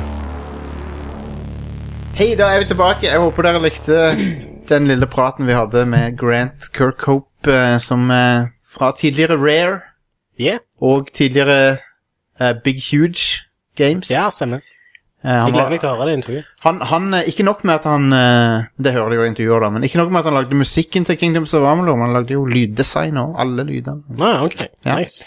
Han er jo en sånn dude som gjør alt lyd, liksom. Mm. Du kan leie han til å lage musikk og lyd til spillet ditt. Cool. Mm. Yeah. Dyktig fyr, altså. Det fins noen kule bilder av han på nettet der han, eh, fra hans metal-tider. Hvor han har lang, langt hår og eh, metal-T-skjorte og sånn. Right. Spilt, spilt i band og sånn. Nice. Og så går han over til å lage musikk til Viva Pinata. Ja, ja, sweet. Sånn erke, erkeengelsk, eh, sånn kl- klassisk eh, musikk, liksom. Ja, sånn er det jo med han gamle gitaristen i Megadeth. Nå har Jeg akkurat glemt navnet på han. Selvfølgelig Ja. når jeg skal nevne han. Han har jo eh, Han er jo big in Japan. Ja, men det er Har masse sånn TV-show i Japan. kult. Ja, I Japan, faktisk. Anyway, hva, hva er det vi prater om? Det var min feil, dette her, igjen. Eh, jo, vi skal snakke om eh, hva vi har spilt i det siste og sånn. Jeg tenkte vi kunne begynne litt med Audun. Ja. Ja. Eh, så- må ransake hjernen her. Det har vært som, eh, litt sånn av- og påspilling, for at som dere så har vi hatt eh, strålende sol her i Yep. Oslo. Men Ja. jeg har jo faktisk Jeg fikk avslutta The Wolf Among Us. Å ja. Ja, nice. En av dere som har spilt det? Jeg har bare spilt første episode. Jeg har ikke Ah. spilt det. Jeg har ikke spilt en damn shit av det. Etter å ha spilt alle de fem episodene, så vil jeg si at det er min favoritt-Telltale-ting til nå. Nå har ikke jeg spilt sesong to av eh, The Walking Dead, da, men eh, så langt så virker, virker Så syns jeg egentlig eh, The Wolf Among Us er bedre. Tøft. Så bra. Konge. Mm. Eh, det, Wolf Among Us er jo en sånn eh, basert på en tegneserie, sant? Akkurat som Stemmer, Walking Dead. basert på Fables-tegneserien. ja. Som er en veldig Der, bra eh, tegneserie. Mm. Der, der, der eh, på en måte eventyrfigurer har blitt, eh, ja, blitt tatt til den ordentlige verden. eh, og en litt sånn shabby be- del av eh, Brooklyn, eh, New York, er det vel. ja. Og Så du det er, har litt mer sånn noir-krim-følelse over seg. du er en varulv, er det det? Du, du spiller som den store stygge ulven. Du er den store styggulven, ja, fra Ja. eventyret. Eh, som Ha. du kan jo gå inn i navnet Bigby, da. Ja. Og da, du får jo møte sånne kjente og kjære figurer som Sø- Snehvit og, og Ebenezer, Ebenezer Scrooge. Altså hele, hele Hm. Kult. spekteret av eventyrfigurer. Beauty and the Beast er med. Men de er liksom tatt til vår verden og gjort eh, virkelig med virkelige problemer, sånn som eh, pengeproblemer og korrupsjonsproblemer og sånt. Kult. Jeg må si, dette høres litt Dette høres ganske artig ut. Ehm, det er min eh, det, eh, Men jeg har, jeg har Jeg gikk litt lei den der Telltale-stilen Ja. Som, Ah. de, med det mener du at du gikk lei av eh, I eh, Walking Dead gikk jeg lei av den. Med, Ja. med den, den visuelle stilen og, s- og gameplay-stilen med den derre Heavy Rain-aktige eh, men jeg, men jeg, vet- og det regner med det ikke er så forskjellig her heller. Det er ikke det. Det er Nei. stort sett mye av det samme. Eh, faktisk litt mer quicktime event-slåssing, hvis jeg ikke husker helt feil. Ok, ok Eh, men jeg syns den verden engasjerer mer på sånn actionplan enn det The Walking Dead eh, gjorde. The Walking Dead var mer, eh, mer det nære tingeren, mens The Walking Dead handler litt mer om om eh, ja, dilemmaene du må face mens du liksom er under stress. Ja, ja. Om du skal kappe av beinet på en fyr eller ikke. Mm. Det, det husker jeg fra første episode, tror jeg, der du må ta en kjapp avgjørelse om å amputere eller ikke. Det, det var litt kult. Og mens du i The Walking Dead, eh, når du spiller Lee, eh, du kan ikke oppføre deg litt sånn irrasjonelt. Så føler jeg at i Walking Dead, når du spiller The Big Bad Wolf, så er det litt lettere å forstå at han eh, han er liksom en litt sånn scruff, gruff eh, fyr som ikke, Ja. ikke er god, eh, egentlig. Ja. Mm. Ikke sant? Han har det der onde i seg. Du, du kan, eh, og du føler deg litt mer berettiget i å være en asshole i det spillet, Ja, Du kanskje. spiller jo som, på en måte som detektiven. Du skal være eh, den liksom ace-detektiven i den byen og skal rydde opp i samfunnet og alt Ja. det der. Jeg har sett at ehm, det, det som jeg så, var, som jeg likte, var at du kan tenne deg en sigarett. Eller en sigar, eller et eller annet sånt. Mm. Det, det, det var stilig. Jeg liker, jeg liker spill der du har en egen option for å tenne en sigg. Sånn, sånn som Snake har i Metal Gear, for eksempel. Jeg digger det. Beste, det beste med det i Metal Gear er jo at helsen din går jo ned hvis du Ja. ikke Det stemmer, det. Eh, men ja, en detektiv må jo røyke. Må det. Spesielt i en sånn Brooklyn-krimdrama. Ja. Eh, og så Det føl- eneste kanskje aberet da, med det spillet, er at de, de lener seg litt for mye på eh, Nå skal ikke jeg spoile noe her, men, men de, for å opprettholde liksom, den fasaden om at de er ekte mennesker, så har de noe som kalles glamour, ah, som er en slags trylledrikk som får deg til å forandre utseendet, hvis jeg husker riktig her nå. huh. De lener seg litt for mye på det som et, et historiefortellingsvirkemiddel. ah, ok. Og ja, det er mye som på en måte kan forklares med glamour. Ja, ok. Ja. Mm. ja. Det blir en sånn lettvint løsning av og til. ja. Mm. Men eh, åssen syns du valgene på, hvor- I hvor stor grad på, kan du påvirke eh, ting med valgene du tar?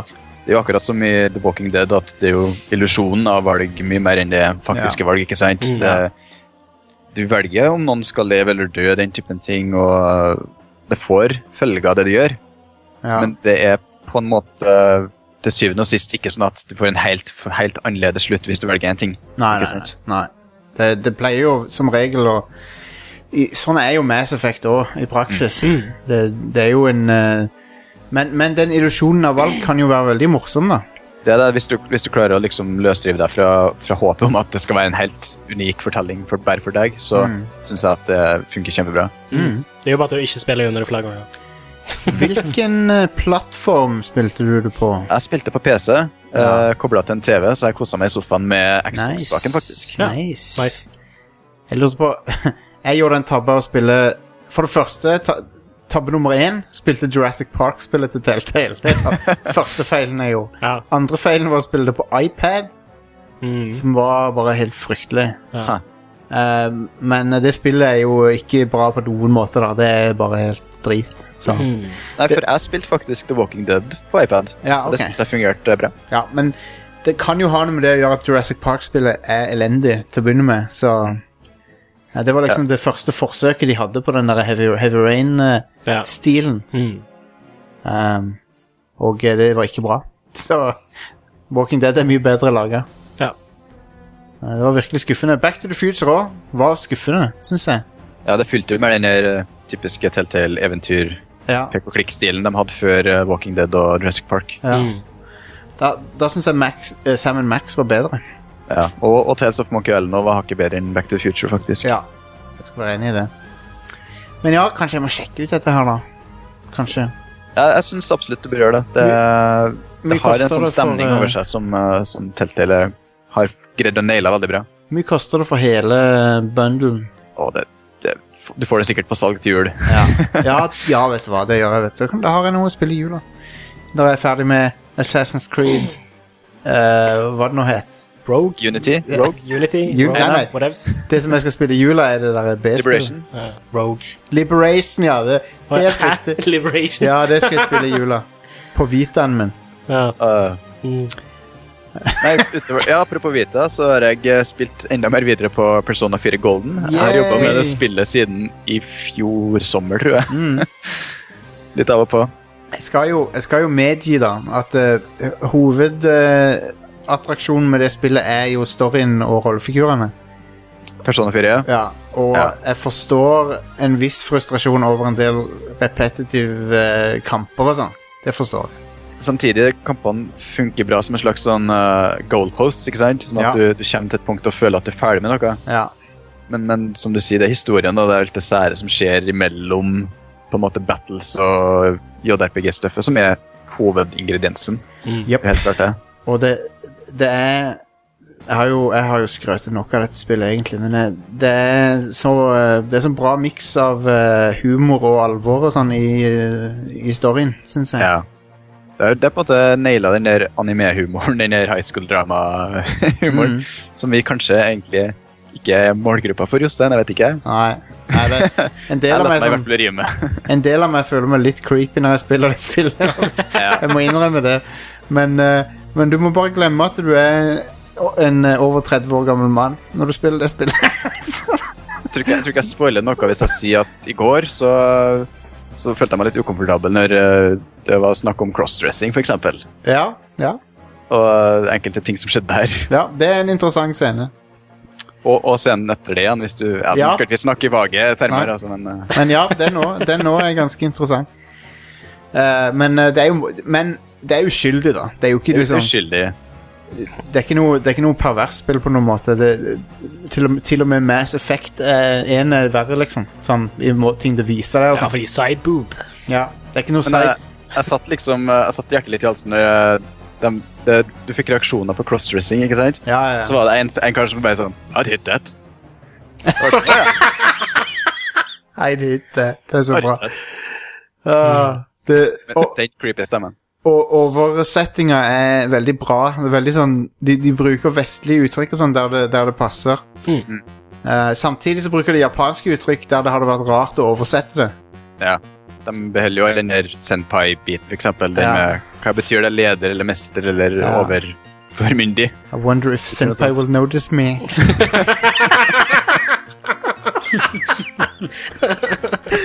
det er et av Nei, det er mine ingenting som er mer anime enn den setningen. Det er et av mine favorittmemes, det der. Jeg ler hver gang jeg leser det. Det er så bra. Jeg får ikke nok av det der. Utover det så har jeg spilt eh, spillet som jeg kanskje mener bør være Ra- Radcrew sitt eh, Oh. hovedspill, som er Shovel Knight. Ah, ja, Shovel jeg runder det Knight. denne uka her, faktisk. For det, Eh, det, jeg vet ikke, men det første som slo meg da jeg skrudde på det, var at det her er et sånt spill som de sikkert snakker veldig varmt om på Radcrew. Ja. Eh, Ja, jeg har jo kalt det Game of the Year til nå, i hvert fall. så- Jeg har, jeg har ikke spilt det ennå. jeg. Ja, det Ikke jeg er- heller. Og hovedgrunnen til at jeg ikke har gjort det, er fordi jeg trodde Wii U-versjonen skulle komme. Ja. Men Den så, skal komme, men de har ikke satt noe data ennå. nei. Mm. Det har Men, kommet ut eh, Mm, i USA, men ikke her. nå er jeg frista til å bare si FU Nintendo, og så bare sp- spille det på Steam isteden. Ja. Det eneste Har du en, har du en god gamepad med gode, Ja da. di, god d-pad? Jeg har DualShock 4, vet du. Så jeg kan ok. koble til PC-en. Fordi at jeg spiller med Xbox 360-pakke, og det, det føles litt røft når du bruker den d-paden der. Ja. det gjør det. Jeg, eh, spilte det først med 360-kontrolleren, jeg òg, og så switcha jeg over til å bruke PlayStation 4-kontroller, og da Mm. runda jeg spillet. Så ja. Ja, nei, det er det jeg ser for meg. Var det Men det, vi har snakka litt om det før, men sånn som jeg forstår det, er det en slags blanding av eh, Castlevania, Ducktales og et par andre spill. Det stemmer jo i god grad, det. Altså, Ducktails er kanskje den tydeligste. Ducktails og Megaman er kanskje de tydeligste inspirasjonskildene, tenker jeg. da. Ja. Men er, Eh, ja. er, det ikke, li- er det ikke litt sånn Simons Quest, da? Litt sånn der, eh, åpent eh, Jo, for du går, til, går inn i byer Ja. og kjøper ting, oppgraderer ting og gjør den biten der Mm. med loot som du får i løpet av brettene. ja. Men samtidig så er målet, hvis jeg husker riktig, å slå åtte knights. Mm. Ja. Som, men du får, du får ikke superpowerne deres, da. Det er Ok. sånn, Nei. så, Det er jo litt skuffende. da. Du burde jo få litt mer Men de, de eh, Det er masse knights, og så har de litt sånn forskjellig identitet som de, de har forskjell- Alle knightene har en gimmick. ja, ja. Ja. Og så heter de et eller annet, og så Night, liksom. Ja. Ja. Kult. Eh, og så er det òg, akkurat sånn som i Megaman, så må, må du ta alle bossene på ny før du tar siste bossen og sånn. Mm, det er litt drit, da. Boss. Men jeg, føler, jeg, vet ikke med, jeg vet ikke med deg, men jeg har ikke følt at det spillet har vært så vanskelig ennå. Jeg tror jeg er sånn halvveis ute i det. Mm, ja. Det, det blir vanskelig mot slutten, altså. Men, eh, Men eh, eh, det er ikke sånn eh, Det er ikke helt på det nivået hvor det er NES-hard, liksom. Nei, Det- det er ikke det- Megaman 2 Hard, liksom. Nei, det er ikke det. Ikke, i det- ikke i det hele tatt. Nei. Men det er fortsatt et, et mer utfordrende spill enn det vi er vant med- med i dag. Liksom. Men Ja. Nei, det er nok bare barnegenene mine som henger igjen ennå. ja, ja, Husker, jeg husker det der eh, fingergenene med spillinga. Mm. De Eh. har noen skikkelig kule mekanikker der, sånn som eh, altså Det er vel den som har blitt diskutert mest, men at du kan faktisk ødelegge checkpointene Ja. og få eh, penger eller loot da, i stedet for. Mm. ah, Det er Men hvis du dødskult. dør, da, så må du begynne lenger bak. ikke sant? ja. Det er litt sånn risk reward-opplegg. Ja, det er stilig. Og så er det òg achievement for å ødelegge alle checkpoints i en level, og alle checkpoints i hele spillet. Så Den siste der kommer jeg ikke til å få. Nei. Det, vet, det kan jeg si nå. Det er også en world map. Du traverserer liksom verden med en world map. mm. Ok, Det er litt sånn Super Mario Bros. 3-type ting. Det- Ja, Ja, akkurat det er sånn. den typen. Ja, Eh, fordi du, det er til og med eh, fiender som dukker opp på kartet, som du Alright. går over og må ta, liksom. Sånn som i Super Mario Bros. 3. Og enkelte Kommer det- deler er lost eh, før du liksom kommer deg videre. Men, eh, ha- Så må du ta en Hammer, hammer Brotheren, og så Ja, stemmer. får du Ja. Det er ikke sånn. Good Det eneste stuff. jeg, jeg føler kanskje at oppgraderingsbiten er litt unødvendig i lengden. For at eh, det er sånn som du kunne ha fått via experience points eller noe sånt i stedet. Ja. For jeg, jeg føler ikke at jeg får så mye ut av å gå tilbake med luten og bruke luten på å få mer helse, f.eks. Nei. Nei, hvis du, hvis du prøver deg på New Game Plus, så f- får du det, kan du si. Okay. Eh, New Game Plus er veldig, veldig vanskelig. Fiendene deler mye mer skade, og så er det to checkpoints per level. Ja. En midt uti og en rett før bossen. Så. Hmm. Eh, og det er ganske kjekt hvis du har spilt gjennom spillet. Da blir det plutselig veldig mye vanskeligere. Um, men ja, du trenger ikke å tenke så veldig mye på helsa når du spiller gjennom første gang. Nei. Du Jeg får regner sånn- med det. sånne meal-tickets av og til når du tar leveler og sånt og uansett, så det, det holder liksom. Mm. Trenger Og du ikke får masse lut hvis du bare er observant nok til å plukke det med deg, så får du masse, massevis av eh, penger. Ja, ja, det er jo massevis av hemmeligheter, så Ja. det er bare til å utforske. liksom. Yeah! Ja. Shovel Ja. Knight. Eh, beste siste boss i, i år, rett og slett. Mm. Det er den merker- siste bossen var konge. Det er merkelig at det minner meg litt om et annet spill som eh, gikk litt sånn under radaren for mange, tror jeg. Henry Hatsworth eh, in the Puzzling Adventure. Noen av dere som har spilt det? Jeg har det, men jeg har ikke spilt det. Henry DS. Hesworth, ja. Det, har, jeg- det er på DS, sant? Det er det har jeg- 2D-puzzle-spillet, ikke sant? Ja. Fra- det er en blanding av den sånn type Megaman-spillinga og en sånn eh, match tre-greie på bunnskjermen. Ja. Yep. Hvis du ikke matcher tre figurer på bunnskjermen, så får du liksom eh, dette er min i den ordentlige verden Ja. i stedet, og ødelegger for deg der. det, det er merkelig at det ikke har kommet noe Henry Hesworth på, på, på IOS eller noe. Mm. Jeg tror ikke det spillet satt så godt, altså, for å være helt ærlig. men det, det er et kjempebra spill å anbefale det virkelig. Ja, ja. Et av de mest oversette DS-spillene. Mm. Henry Hatsworth. Det er verdens beste voice acting. Det Ja, er sånn, fett. eh, det er sånn gibberish sånn blub, blub, blub, blub. Right? Nice. Er erkebritisk opplegg. Ehm, jeg, var, jeg, var, jeg har så vidt eh, begynt igjen på Marvel Heroes eh, 2015. Jeg spilte forrige versjon. Ok, Er det det der free to play? Free, MMO-et? free to play Diablo. Ja, Det er ikke MMO. Det er mer Diablo enn det er et MMO. ok. Eh, men- Men ja. Hva er endra? Jeg vet ikke, det pussa litt på visuelt, tror jeg. Altså, men jeg har ikke spilt det nok til å helt skjønne hva som er endra. For det er jo to forskjellige metacritic scores, vet jeg. Ja, ja. Eh, men det, det virker ennå som et ganske greit Diablo-aktig spill. Men eh, nå kan du spille som eh, The Guardians of the Galaxy, hvis du vil. Du kan eh, kjø kjøpe de. Ja, du må bruke penger på det. Ja, ja, det er jo free to play.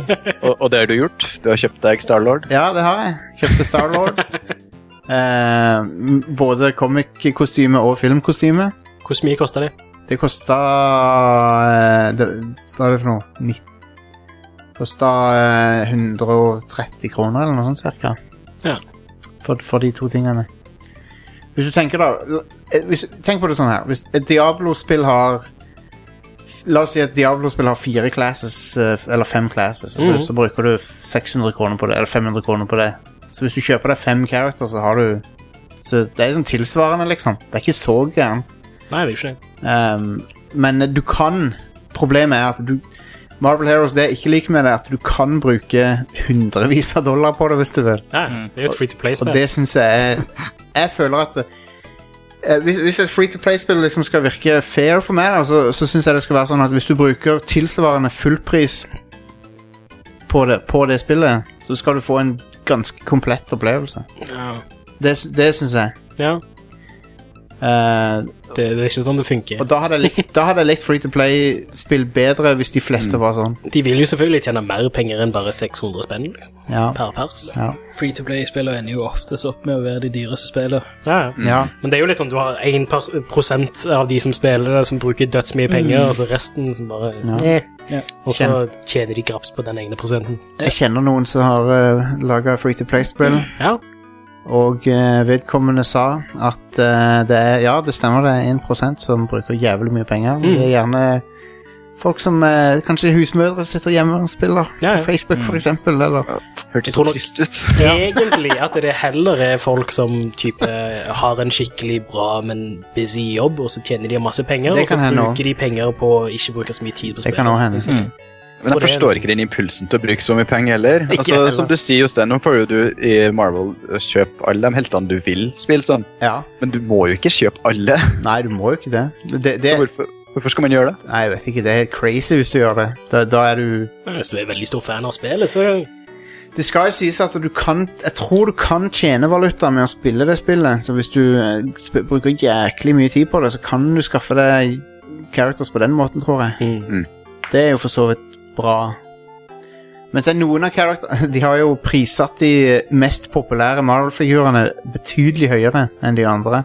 Ja, Så klart.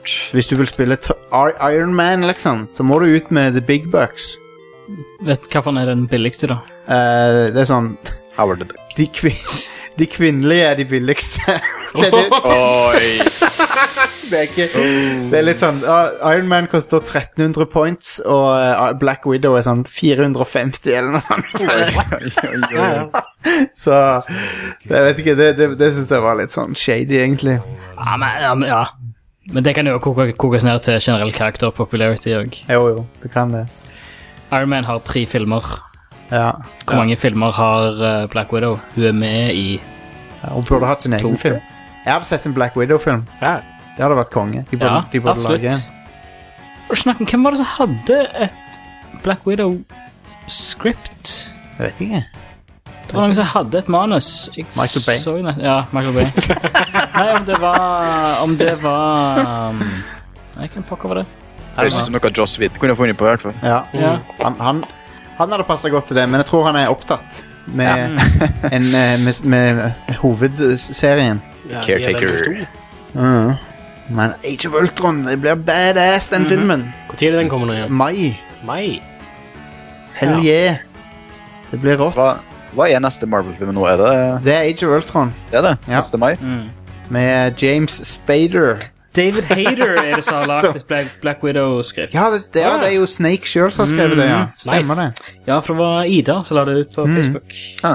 Han skrev jo Det er han. Eller han skrev vel en del av eh, X-Men 1 òg? Ja. Det er Et f- første utkast eller noe sånt? Og, eh, og, og eh, Watchmen er litt hans også. Ja, stemmer. Watchmen-filmen. Ja, han er sånn screenplay-dude, basically. Ja, han er det. Han er det. Så han har en grei gig med det. Mm. Eh, noen andre som har spilt noe fascinating i det siste? Jeg har jo spilt Last of Us eh, Remastered, da, men eh, Ja, Jeg òg. det er jeg òg. vi, vi kan jo Vet ikke hvor mye som er å si om det, men Nei, den, det er det samme spillet, bare med left behind Den- og eh, Photo ganske mode. smooth framerate og 1080p. ja, for, Så hadde, hadde dere alle Fotomode spilt er Left awesome. Behind Sa du det, du? Hadde dere alle spilt Left Behind fra før av? Nei, jeg har Nei. ikke spilt det ennå. Jeg. Jeg, holder, Ikke jeg jeg, heller. jeg spiller gjennom singleplayer og vanlig campaign først nå. Mm. Jeg Ok. også. Um, og eh, Så ja, eh, den Left Behind eh, skal jeg spille etterpå. Det er ett år siden jeg spilte PlayStation 3-versjonen, så da har jeg lyst til å spille gjennom det en gang til før jeg begynner på det- Left Behind. Det, Ser du. merk, det merker jeg at eh, jeg kan s- eh, kar eh, Karaktermodellene og sånn ser veldig bra ut. Mm. Absolutt. Men eh, omgivelsene ser jeg kommer fra PS3-æraen. Ja. Du ser det er mange rette linjer. Ja. Er det. Stemmer det at de har tatt cutscene-figurene og lagt dem opp på playable-figurene, så de spiller som cutscene-figurene? Ja. Det Ja. var det. Er det akkurat det de har gjort, eller har de bare lagt Det er det de det har i gjort. Jøss, ok. Ja, for de ser jo bra ut. Ja. For da kan, det kan jo forklare at du syns at figurene ser bra ut, mens teksturene Ja. eller områdene eh, Ja. fremdeles henger igjen litt i Ja. Ja. Du ser at eh, de har jo uppa resin og That res. Up that res. That, that Mm. res. Og Burde vært en lyset er oppfølger som heter bedre, oppløsningen er bedre, og alt sånt som det. Vannet er mye bedre. Vannet er mye, mye bedre. Ja. Men du ser altså, der hvor to teksturer treffer. Altså Hvis du har en sånn en, en grashaug som Altså hvis du En liten hø- haug med, med jord og gras som går opp inntil veggen av et bygg, Ja. så er den kanten mellom gresset og bygget, den er helt beinet. Ja. Ja. ja. Så, det, Sånt, og, og, og båndene vil også kutte av helt beint. Det er ingen myke overganger. så du, sånn har, som- eh, du har lagt sa- merke til samme ting som jeg gjorde, da, Mm. Stian. Ja. Eh, det er f- interessant, for jeg lurte på om du bare, bare var med Mm. som så det. det, men det, det, det er sånn typisk forgenerasjonsting eh, Ja. så, som, som de har fått gjort mye, mye bedre nå.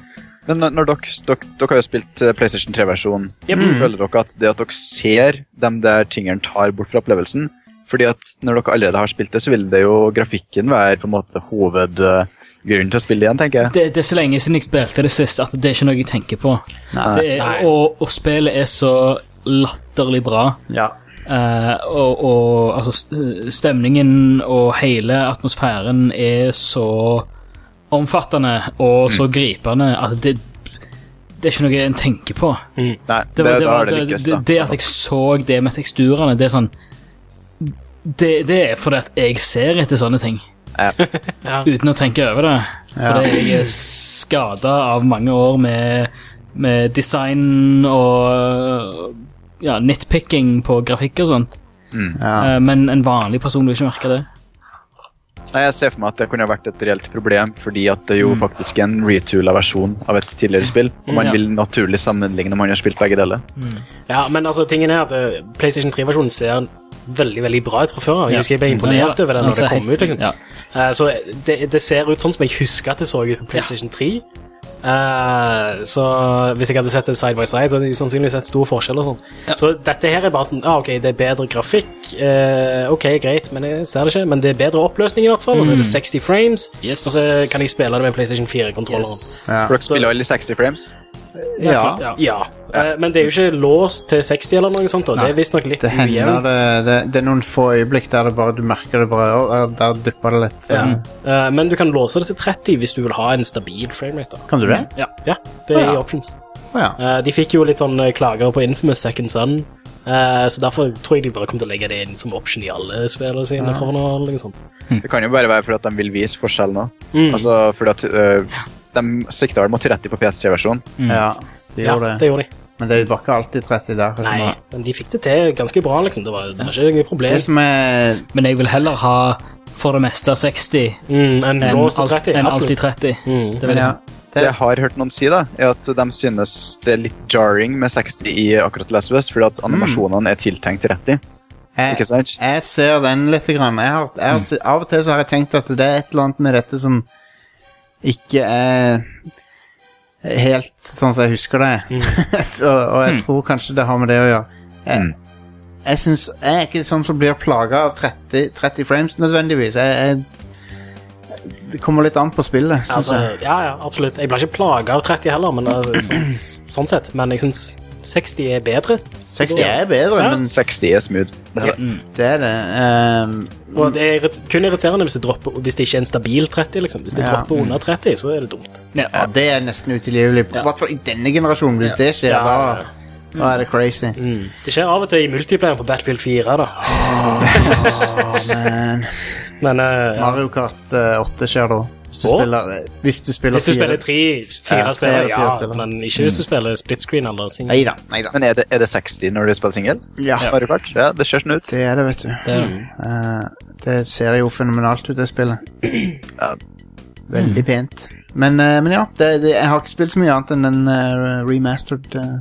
Jeg har også spilt eh, det der Abe, Ja. remaken. Ja, Ikke så veldig langt uti, da. New and Tasty. Ja. Men det er jo Abes Odyssey. ja. Bare- Det er einen. Ja. Bare med smooth grafikk, litt eh, modernisert kontroller. Eh, touchpaden på PlayStation 4-kontrolleren er quick save og quick load. Aha. Mm, Det er super nice. Eh, og så eh, er det Ja, det er Abe. Det er kongespill. Ja. ja. Mm. Cool. Er det noen andre som har vært innom et eller annet, så de vil, eh, noe spesifikt som de vil innom? Aud- Audun, har du noe mer? Eh, nei, egentlig ikke. Nei. Jeg s- sitter og venter på en gratis, eh, det gratis spillet jeg skulle få av Mario Kart-kjøpet mitt. Jeg. Å ja, Ja, stemmer. men de får med det. Det skal være nå i august, så Ja, ja. Da, da må vi spille Monster Hunter. Jostein. Ja, det er riktig. Ja. jeg gikk, gikk for Windwaker. ja, det Jeg har jeg har- allerede. Hva er det jeg gikk for? Nå må jeg prøve å tenke litt. Jo, jeg gikk for New Super Mario Brothers U. Ja, ok, ja. for Har du ikke det? Jeg har ikke spilt det. Mm, det er veldig bra. Det er det beste nye Super Mario Bros.-spillet, Ja. Ok. Det er det. så du har noe å glede deg til det. Bare følte meg litt mett på New Super Mario Bros. Når, akkurat når det kom ut. Det forstår jeg veldig godt, det- Mm. Eh, og det var jeg òg, men jeg ble sy- ganske hekta på det. Det Ja. Mm. er faktisk sånn, det er det beste av de, Ja, akkurat og det det er, hvis du skal spille ett, så er det det, liksom. Mm. Akkurat det er såpass bra at, det er, at du har det på en store skjerm òg. At det ikke er et DS-spill. Eneste som jeg synes er skikkelig Eller 3D-spill. Eneste som er skikkelig bummer med New, New-serien, er jo at musikkene ikke er så bra som i hovedserien av Ja. Mario-spill. Jeg syns den er god på sin egen måte. da. Den har en sånn eh, whimsical Ja. ting Jo, som ja. jeg, jeg har ikke setter pris på. det i hvert fall. Jo da, men, Ja, det- ja, absolutt. men hvis du sammenligner det med det, orkestermusikken i Galaxy og sånn, så er det liksom ikke samme planeten. Men, men orkestermusikken i Galaxy hadde ikke passa inn i New Super Mario Nei, Bros. Nei, New, det, eller? det skal, Men den er liksom objektivt bedre for det. Den er liksom Ja, ja. bare så mye bedre. Helt ja, klart. men de, det, det er jo en referanse til de første Mario-spillene, så de Det er det. skal jo holde det litt sånn lignende. Men den er ikke like bra som det heller. Nei, det er sant det du sier. Han er, uh, Super Mario Bros. 3 er, har udødelig musikk, så Ja. det er bare så catchy. Mm. Mens denne her, ja, den er catchy, men den er liksom ikke om, Ingen som husker den om 20 år. Ja, Mm. ja. Syns det er litt kult at fiendene danser med musikken. Da. Det, Jo da, det, det er det, sånn det, sjarmerende. er- det er sjarmerende. Det forvirrer meg når jeg skal treffe deg. For de- for de stopper når de gjør det. Ja, Ja. stemmer det. Det er sånn, "Æ, nei, å!" Og så bommer du på Ja. bomba. Så dør du. Eh, da er det på tide å se på hva eh, lytterne har svart på mitt spørsmål til de ukens spørsmål, som var Hvilken superhelt skulle du ønske at det ble laga spill av Gitt at kvaliteten på spillet var bra, selvfølgelig. Eh, og eh, det må helst være en superhelt så det ikke finnes spill av i nyere tid. Ja. Så, eh, så ja, da har vi Hvis du begynner nederst der, Skal jeg begynne nederst? Ok. ja, jeg kan begynne her nå, Men øverst, sorterer ikke Facebook som teit? kanskje. kommentarer. Vet du hva, det går bra. Vi bare vi tar, vi tar den på sparket her. Dette går fint. All right. Alexander som eh, poster et bilde av Hawkeye og Black Widow fra Avengers-filmen. Ja. Det er jo vært Hvis du hadde et spill med begge de to, det hadde vært litt kult, egentlig. Coop. Ah, Eller alternere på forskjellige missions. Ja, ja. Hva, hva hvis det var sånn trine-up-aktig? At du kunne switche mellom Å, ja. Hawkeye og Black Widow. to, to gønnere og pil og bue. Mm. Yeah. Men Du må jo ha en tredje person òg. Ellers er det ikke Å ja, det er sant, det. Da- Hulken. Ja, nå, nå blir hulken, Da har du jo et Ryan, da. Ja, da har du det, faktisk. Eh, Yngvild eh, fra Yngvild fra spillpikene.no eh, faktisk eh, skriver Månebaronen. Som jeg aldri hadde hørt om før, men jeg måtte slå han opp. OK, hvem er det? Og eh, han heter Moon Knight. Og han er en Marvel-figur All right. som heter Månebaronen på norsk. Det er bra norsk navn. For et ass. fantastisk navn. Ja, Månebaron. Han er baronen over månen. Jeg venter bare på at eh, Harald Mæle skal ha stemmen. Månebronen! Han, ha, Harald Mæhle Månebaron. har, Harald Mæhle hadde vært perfekt til Månebaronen, merker jeg. Kan du fortelle litt om Månebaron? Hva er, Han, hva er eh, Månebaron? Han debuterte i, eh, i eh, Marvel eh, i Comics i 1975 i et eh, blad som heter Werewolf by Night. når, ellers, når ellers er det werewolf, egentlig? Er ikke det litt Werewolf by night, Ei. Wenwolf by day. Oi. Ja. Eh, Hæ? det minte Hæ? meg på Hæ? det, det minte, Jeg vet ikke hvorfor det minte meg på dette, men eh, det, var, det, er noen, det går et rykte om at den Evil Dead egentlig skulle hete These bitches are witches. Det hadde jo Altså, det hørtes ut som noe Sam Breamy kunne gjort. Ja, ja. altså. Og det, men det betyr da at oppfølgeren til Evil Dead heter Dead by Dawn, Evil Dead 2. Så den, den måtte jo hete Bitches by Dawn, da. Ja, ja. Var det. These bitches are witches too. Ja, Bitches by Dawn. Hmm?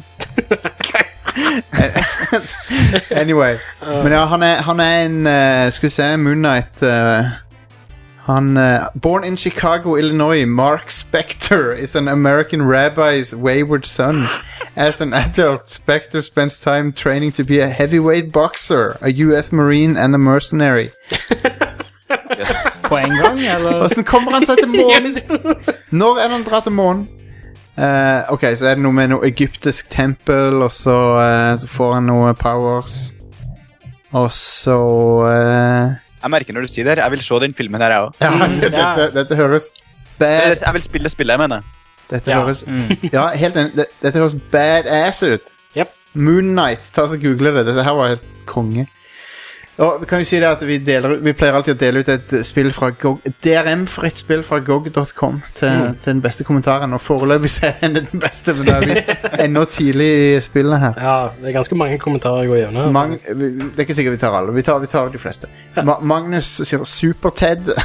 Jeg vet ikke jeg tror, jeg tror ikke det hadde slått an så godt, egentlig. Hvis jeg, skal, jeg har kjærlighet for Super-Ted, men eh, uh, begrensa appell, tror jeg. Mm. Eh, Rudi skriver He-Man. Nå er det jo faktisk et moderne He-Man-spill på iOS. Er det det? Å, det spilte jeg litt av. Ja, Det var ikke bra. Nei. Det var ikke bra, nei. Ok. Men, men er He-Man på vei tilbake, eller noe sånt? Er nei det He- noe mer? He-Man He Are, Are. He-Man har vært tilbake flere ganger. Seriøst? Eh, og ingen av gangene har det gått bra. Ja, så, klart. Har den egentlig vært tilbake, da? Ja, men, nei, det, vet du hva? Det er et veldig godt poeng, Audun. Det er et veldig godt poeng. men jeg jeg har faktisk ikke hørt om noe He-Man siden ja, 90-tallet eller Blant noe. annet, det, det er en He-Man histo- eh, He-Man, eh, tegnefilmserie fra 2002, blant annet. Hva- Ok. Som heter He-Man and the Masters of the Universe. Bare en ny, Ja. ny serie. Mm.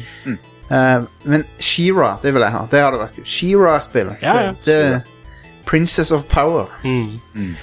Um, Stig skriver Wonder Woman, og det, det, det er ikke en dum idé. Nei? Wonder Nei. Woman eh, egner seg godt til et spill. Mm. For hun har et sett med evner. Hun, har en, eh, hun, sånn Mm. hun, hun kunne passa inn i et sånt et God of War-type spill. Ja. Hun er jo til og med Du Du kunne, du, du kunne nesten bare reskinne God of War, for det er jo til og med fra liksom, den kulturen. Med, med Hellas og alt det der. der. Men hun har en pisk, sant? og så har hun, eh, kan hun kaste spyd. Ellers trodde jeg ikke hun var sånn Amazon Jo, jo, men det, det kommer jo litt fra den my samme mytologien. Eh, kanskje ikke nøyaktig samme, men det er i hvert fall mye likheter. Ehm, men ja, det, det, et Wonder Woman-spill kunne jo blitt konge. De kunne det. Tenk litt på det, da. Ja, men så må Men du kan tenke jeg på svare? at God klart of det, altså. War eller Devil May Cry-aktig. Ja, ja, ja. Modernisert at hun er Amazon.com-dame heller. Hele spillet går ut på at du leverer pakker. Samme Wonder Woman. Du leverer det sykt kjapt! Paperboy. Det er som oppfølgeren til Papers, Please. Eh, Delivery with a vengeance. Oh, man. Eh, Halle Berrys Catwoman, den tar jeg ikke seriøst. Har ikke Eh, laget et spill av det? jo, Jo, det var jo, et det PS2 er jo et spillere. spill. Det er jo et spill. Det er jo det som er det verste. Noen lagde et spill av det. Det var på den Tenk at noen fikk betalt for å lage et spill av det. Mm. Det var på den tida der alle filmer hadde lisensspill. Ja. Mm. Tenk at det skapte jobber. Ja. Og nå gjør det ikke det lenger. Tenk at Det, folk Eh, det gikk forhindrer på vel et par jobb, jobber, regner jeg med. tenk at folk gikk på jobb om morgenen og tenkte «Ah, i dag skal jeg fortsette på spillet om Halle Berrys Catwoman på PlayStation 2. ja, men så grusomt det må ha vært. Fy søren. Mm. Det kom på GameCube og Xbox òg, forresten. Gjorde det? Ja.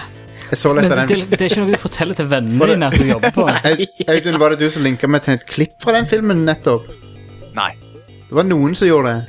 Hva klipp da? Et klipp fra Catwoman-filmen. Ja. Jeg har ikke Det sett var superdrit. ja. Jeg er glad for ikke å ha sett, ass. Jeg har sett den filmen. Ja. Wow. Det er ikke DC Comics' stolteste øyeblikk, Nei. akkurat. Det, eh, Fantomet er det flere som sier. Ja. Mm. Eh, Og jeg vet ikke Finn helt. fram spandexen. En sånn gritty noir-spill med fantomer hadde vært smooth, hadde sier vært Tom s- Ja. William. Det var Jo, kult. hvis, Det må ok, jo bli mer Og det, det, snikespill, da. ja. hvis det, har, det kunne vært kult. Mm. Eh, men, hvis, men det som hadde vært enda kulere, er hvis du spilte som Billy Zane som Fantomet ja. fra filmen. Lill- Lilla spandex Fra og filmen rider på en hest. Yes. Lilla Fantomekostyme, så tettsittende. Slam Evil Den filmen er er subtitlen til den fantastisk filmen. Fantomet har jo sånn kjæletiger. Ja, han har det. Altså, det er jo et vell av spillmekanikker jeg bare kan eh, tenke på. her med en Mm. Mm. gang. ja. Du kan eh, slå folk med hodeskalleringen. Jep. Mm. Eh, så, eh, I don't know. De, Du de kan skrive, burde, skrive inn noen bøker og Ja. Mm. Krøniker. krøniker. ja. ja. Ja, for det er jo Krøniker, generasjon om du over vil. generasjon. Shit, det spillet hadde vært helt fantastisk. For du, har- du har jo, altså, Fantomets krønike Jeg leste jo tonnevis, men fan- jeg hadde shit-tonn Mm. med Fantomet når jeg var kid. Og Fantomets krønike, det er jo snakk om for legenden Fantomet. Det er jo flere som var Fantomet i generasjoner og generasjoner. Mm. og generasjoner. Så det var jo fra- helt fra liksom bronsealder eh, type greier, sikkert steinalderen og Ja, opp til fett. moderne tider. Så har den alle tidsepoker er der en Mm. fantome. ja, nice. Det hadde vært et kult Ja. spill, da. Lars eh, har et bra forslag som er Punisher. Ja, de lagde jo et eh, Punisher-spill på PlayStation 2. Gjorde det? Ja. Ok. Eh, det var ganske bra òg. Ok. veldig kult. Masse, Det er masse sånne brutale måter å drepe folk på. Ja. og sånn. Punisher er jo guns, guns, guns, er det ikke det? Bare- Jo, jo, men, men her så, så er det sånn type Å ja, du, jeg skal interrogate denne duden her, så jeg eh, holder skrittet hans mot en sirkelsag.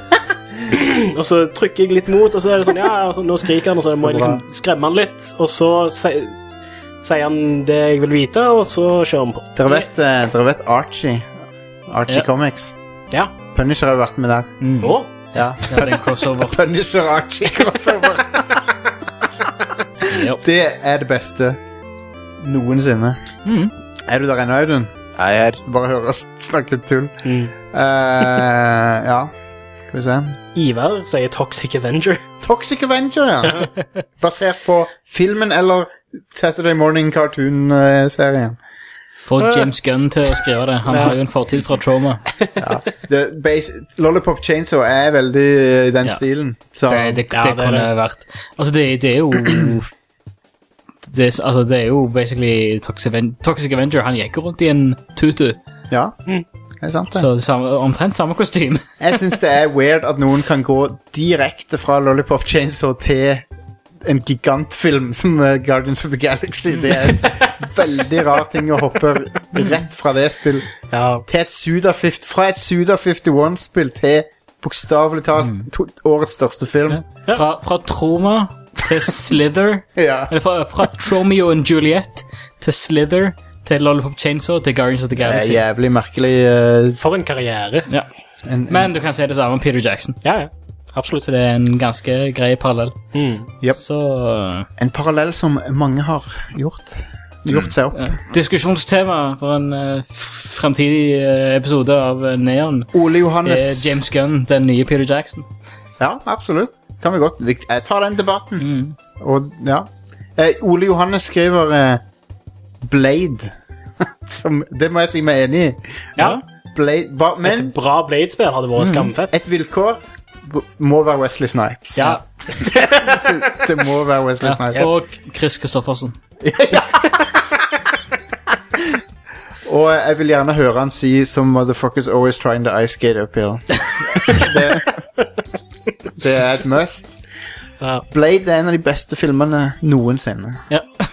Yes. Nei, nei han, er ikke, han er ikke det, men han er sykt underholdende. ja den kom Fantastisk. Eh, Synd med oppfølgerne. Ja. Ja. ja. Bla- Blade er jo en Marvel-figur. Jepp. Ja, stemmer det. Avengers 3. Oh, man. Ehm, Supermann 64, vent litt. Limited edition av Supermann. HD-remake? Nei, nei, nei. nei, nei. Ta oss og fly gjennom disse ringene, Supermann. Darkwing Duck. Ja, Oh, Ja, ja. det eh, var den er bra. fin. Det har ikke kommet noen spill av det siden kan, sånn Sega Mega Drive, eller liksom. Mm. Ja, Eh, det- Nintendo hadde et spill. Nes. Nes. Mm. Ok. Og et av de, et av de uh, siste liksom, Capcom-spillene på Nes. Huh. Um, bu- bu- bu- bu- Iron Man Det fins Ole Jørgen, det fins Iron Man-spill i nyere tid. De var ikke bra. Lagt av Sega. De er ridiculously Bare, dårlige. bare la det dø. Ja. Ikke vits. De er helt forferdelige. Ja. Eh, the, wo- eh, Andreas skriver The one and only Superman. Og vet du hva? Hvis noen får til å lage et Supermann-spill som er bra, som gjør ære på den figuren, så hadde jeg vært så sinnssykt interessert i å spille det spillet. Eh, Mm. Det er hvis jo du ingen ser, som har gjort det ennå. det er ikke det, Nei. men det er, en, det, det er en av de historiene som folk regner for å være aller beste Supermann-historien. Det er en som heter eh, All Star Superman. Ok. Som eh, alle burde se enten, se enten se den animerte filmen på Netflix eller lese boka. Hvis, Alright. hvis noen kunne lage et spill som, f- va- som handla om Supermann på samme måten som den, så hadde det vært helt amazing. Eh, Hva er premisset til den historien? eh, Bare sånn at jeg Jeg ble vet, litt ikke om, jeg interessert. vet ikke om akkurat den historien egner seg som spill, da. Men hvis noen Nei. kunne gjort noe som var like bra Ja, Men eh, det- det- Supermann blir dødssyk, da. ok. Eh, For han, får, han blir utsatt for enormt mye stråling fra sola. Mm. Mer enn det som han tåler. Eh, på grunn av noe Lex Luthor gjør med han. Eh, men det, samtidig så gjør det han ultra-powerful i noen få dager, da, men han har s- ei uke igjen å leve. Men han, han, er, han blir mer og mer powerful i de dagene. Ja, ok. Eh, og så, gjør han, så, så bruker han de dagene på å gjøre alt det som han vil ha gjort eh, i resten av livet sitt, liksom. Cool. Og, eh, og gjør gode gjerninger og sånn. Mm. Nice. Eh, og det er en eh, fantastisk eh, historie. Skikkelig bra. Men han dør jo ikke på slutten. Selvfølgelig, Selvfølgelig. Det er jo Selvfølgelig så klarer han seg. rentesten med det. Eh, men den heter Allstar Superman. Eh, en annen som er bra, er Superman Birthright. Som er veldig kul. Hmm. Der han, For å skremme en skurk, så tar han og eh, sky, eh, skyter han. Han holder pistolen sånn point blank, og så skyter en fyr. og så, så får han fyren en skikkelig skrekk, men det, det Superman bare tar imot kula sånn veldig kjapt, liksom. så, så sier han 'tenk på dette neste gang du truer en uskyldig person med en pistol', liksom. det, er- Nice. det er badass. Ja, ja, det er jo den beste måten å gjøre det på. jeg. ja. Men, Det er drit. Det er sånn som bare Supermann kan gjøre, liksom. Ja, ja. Det er konge. eh, Anneli Sørensen skriver Sandman, Defenders of the Earth, Spawn og Spider Jerusalem. Å ja, han, ja. Hvem faen er Spider Eh, eh, Jerusalem? Det er han fra Transmet Transmetropolitan. Eh, Ah, ja, ok, den har ikke jeg lest. Jeg har eh, jeg tror jeg leste første trade paperback av den. Hmm. Meget bra. Ja, jeg har hørt det. Vidar skriver Lobo. det, det kunne jeg vært med på. Han er en intergalactic ba- bounty hunter eh, fra DC. Som er en, eh, en jævel. ikke en good guy. Men ja, Spider Jerusalem hvordan, Hva slags spill skulle det vært? Er ikke han en journalist? Eller Er noe det han sånt? som er på coveret med de der Sånn. han solbriller? han har det? sånn 3D-briller. Ja. Ja. Et rødt og et grønt brilleglass. Ja. Et rundt og et firkanta brilleglass. Og... Jeg har Eh, lest ei bok som han har skrevet. Eh, han, det er jo han s- som fyren som har skrevet Gun Machine. Mm. Så en veldig, veldig bra Machine. bok. Read it. Den er amazing. All right. Jeg eh, har den andre boka du har tipset meg om, som jeg må lese først. Leviathan Wakes. Ja! Eh, Den har jeg har ikke lest begynt selv engang sånn ennå. smått på den, men Mm. Jeg har bare lest en eh, free sample, og det var jo awesome. Rune k- kommer med en Han sier Mandrake. Eh, jeg vet ikke helt det. Jeg vet- Hvordan spill skulle det vært? Kanskje Telltale kunne gjort noe med Eh. Ja. han. Cheesy eh, magician's tricks. Her kommer det en som du kommer til å like, Stian. Mhm. Eh, Marius som skriver eh, Blunt Man and Chronic. Yes! Kevin Smith Hell yes. sine helter. Ah, Det har vært skambra. Å, Men da man. må det være en Mark Hamill-cameo. Ja. Stemmer det. Eh, Wario og Waluigi, de fins til spilla. Jeg vet ikke helt hva du vil fram til, Katrine, men eh, det fins plenty med Wario og Waluigi-spill. Dog, Waluigi har ikke et solospill. Heldigvis. Han er, men han er heller ikke en superhelt. Så ja. Ja. Men Det er litt sprøtt. det. Til og med Tingle har et eget spill. liksom. Kunne Ja. ja. Valuigi hatt en superheltfigur? Det kunne han absolutt. Det Som føler jeg. bare hatt en kappe og snudd opp ned på hælen, eller hva nå enn Hva ja. skjer hvis Waluigi tar en sånn her fjær i Super Mario World? Og får han kappe òg, da? Blir han Super-Waluigi? Ja, sikkert. kan, eh, det kan vi utforske s- ved en senere anledning. Hellboy. Ja, Ja. Det var De kult. lagde jo et spill, Hellboy-spill på 360 og PlayStation 3. gjorde det? Jo, det. Eh, Var det bra? eh, nei, jeg tror ikke det. Jeg Det var tror sikkert, det. det var sikkert Spilte ikke det bra. aldri, så jeg vet ikke. Men jeg s- ser ikke for meg det. Eh, Da òg må det være Ron Perlman i ho- hovedrollen. Ja, jeg er ganske sikker på at det var det, for det var sånn lisensiert. Ja, greie. ja. Så ja. O- Ole Marius kommer også med en som jeg likte, som er The Tick. Men eh, det, det liker jeg bare fordi jeg vet hvem The Tick er, og det var en kul serie. Men jeg vet- skjønner ikke helt åssen spillet skulle være. Nei. Hva, hva er det? det, Eh, det Det gikk på det, MTV, var det ikke det? Var det MTV? Men det gikk òg på Det gikk ikke på Cartoon Network. TCC? Kan være det. Jo, ja, jeg tror det gikk på TCC, faktisk. Ah, ok. Det var en fyr, sånn type En, en fyr med sånn Johnny Bravo-fysikk. Ah, ok. Eh, og så hadde han en blå eh, trikot med sånn to antenner. Han, ja! Ja. Sykt dumme! Ja, stemmer det. Gamdumme fyr. Man, for en Ja, retarded serie. Ja, sånn antihelt fyr. Så var det, hadde, Veldig hadde teit han en, en, sånn sidekick i kaninkostyme, var det det? Kvitt Ja. kaninkostyme, Ja, tror jeg. noe, noe sånt. Ja. Jeg husker det vagt, bare. Jeg husker Supersært. at det var superteit. Ja, Det er veldig- kjempeteit. Veldig merkelig eh, Det er serie. jo Mm. sikkert morsomt. I don't Det know. er sånn SpongeBob-humor, Ja. bare Ja. Mm, ikke like bra. Jeg syns jo for så vidt at Månebaronen var best, da. Siden jeg aldri, for det første aldri har hørt om han, og Mm. Ja. eh, når jeg slo den opp, så syns jeg det var badass. Ja, og det bildet der er ganske badass, syns jeg. Ja. Det, der, der kan du se det. Nice! Han er Skal jeg holde det opp mot Bare en- webkameraet? en mer Han er en, en mer badass versjon av Space Ghost. Space Ghost. Space Ghost er ikke badass. Coast to coast. Ja, men Coast to Coast Stian, det er jo en remix av I greie. know, I know. Hvis du har, har du sett Jeg har sett originale Space Ghost. Jeg har sett minimalt av Coast to Coast. Hanna Barbera-ting viser det seg eh, når du, når Det du er ikke så bra. nå. Nei, når du går tilbake og ser ikke på det. det. Hanna Barbera er liksom det billigste av TV-animasjon. Hverken Yogi Mm. the Bear eller eh, Ja. Jeg holdt på å si Snoop Dogg, men eh, Scooby-Doo Scooby-Doo og mm, Flintstones. Mm. Ingenting av det er spesielt bra. Nei. Skulle jeg gjerne ha sett en Snoop Dogg-serie med laget av Hanna Barbera. Så det. Å, Ah, man.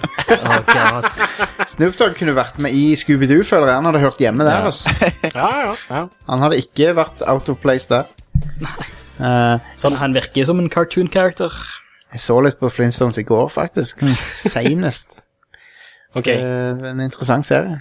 All right there, Freddy! Eh, men ja, den, er, den, er, den, den had- hadde sin tid, og den er over.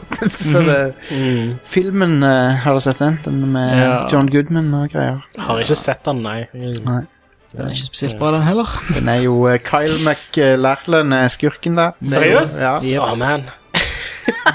han er sikkert ganske bra som skurk. Han da. er jævlig bra. Han, og Han er jo Hal- alltid bra. Han han- ja, er bra ja. uansett hva han gjør. Altså, ja. eh, han og Halle Berry er skurkene i den filmen. Ok, da må jeg nesten se Man, oh den. man, for en rar film det er. ass. Det er så Å, man. weird. Det er Hva har så du gjort, weird. Jostein? Eh, nei, si det. Ok, men eh, da Har er vi dere vel noen superhelter dere vil ha? Ja, eh, Dr. McNinja hadde vært kult som et spill. Ja. Har dere lest det? Jeg, har Nei. ikke, le- jeg har lest eh, Jeg har bare sett litt bilder av det. Men, eh, Ja, det, det er en webcomic som Ja. er skikkelig bra. Um, Alright. DrMcNinja.com.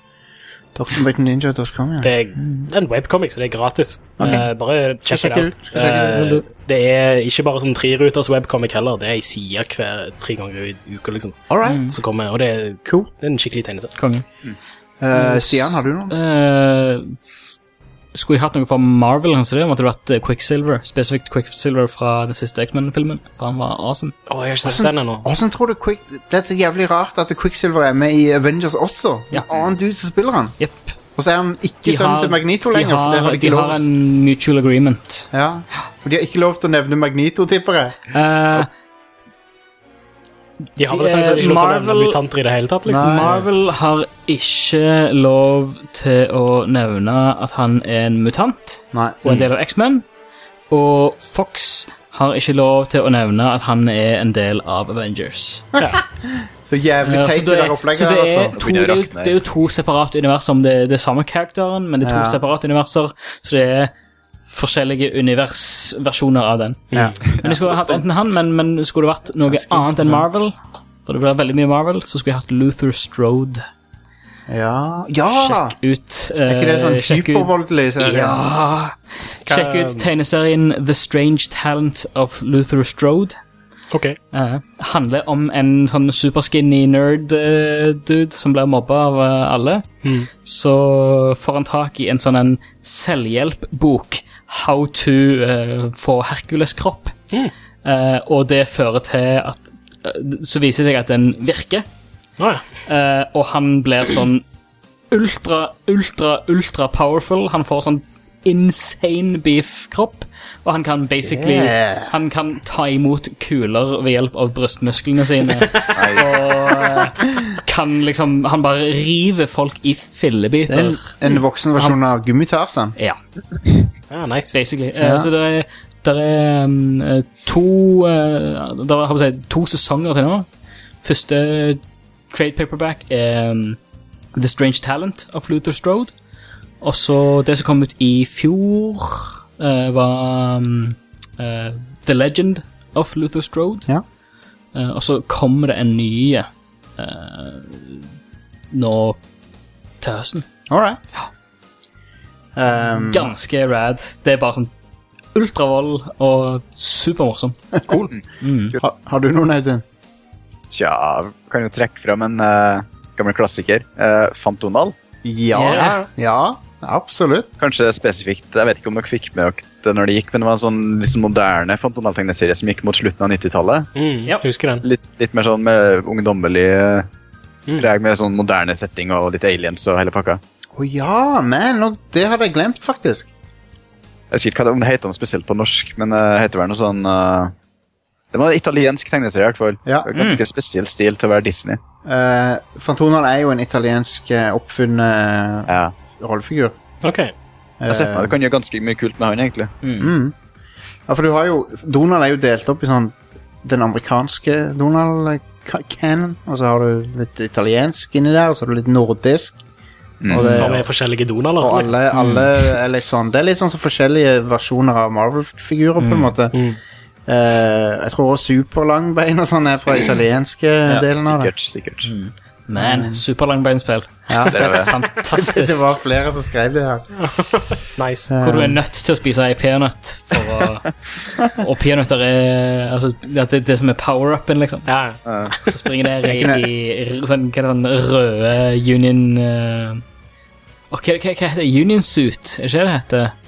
Sånn badedrakt, ikke sant? Nei, Sånn nei, det er jo sånn, det, pyjamas. ja, det er sånn, sånn old school pyjamas. eh, l- Lange sånn one Ja. peace Det er sånn avtagbar greie på rumpa. Ja, det er en luke i rumpa.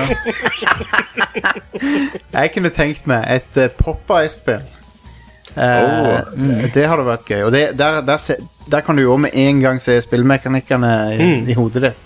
Det høres ut som Rayman, faktisk. Ja, ja, ja Ray, du kan ha Rayman. Ja. Med, der du kan spise spinat, liksom. Og så blir du mega-powerful. Eh, det, ja, Popeye-spill. I- Hvis, Hmm. var hvis, de- fett. hvis de klarer å gjenskape 30-tallsanimasjonen. Mm. Ja, ja. Har, har, dere sett det kunne der, gjort det i dag. det, har dere sett det spillet som er på vei nå, som heter Cuphead? Nei. Nei. Eh, som er Jeg tror det var Cuphead, jeg skal bare dobbeltsjekke. Eh, det er et spill som er laga i Det er et 2D-plattformspill. Uh, laga til å se ut som eh, 1930-talls eh, Disney-animasjon. Hm. Ah, Eh, det, og det ser spot on ut. Det nice. ser ut Det har den akkurat Hvis du ser her, du, du, du kan se det her. Se, se på det der. Ja, det, det, er helt- ser jo det, det ser ut som en Mickey Mouse-film fra 30-tallet. fett kult. Eh, og be, alle animasjonene og bevegelsene og sånn, det er spot on. Cuphead heter det. Det er på vei nå. Cool. Um, noe sånt nå med Popeye hadde vært eh, sweet. Mm. Jeg kom til å tenke på Popeye her om dagen. Så bare, jeg, jeg digger han, jeg. Han er kongef kongefigur. Ja. Eh, Shigeru Miyamoto lagde jo et Popeye-spill. Gjorde han? Mm. Det er Parkade. Hæ. Han lagde det før Donkey Kong, tror jeg, eller var det etter? Eh, Det Mm. var sånn rundt omkring på den tida. uansett. Ok, ok.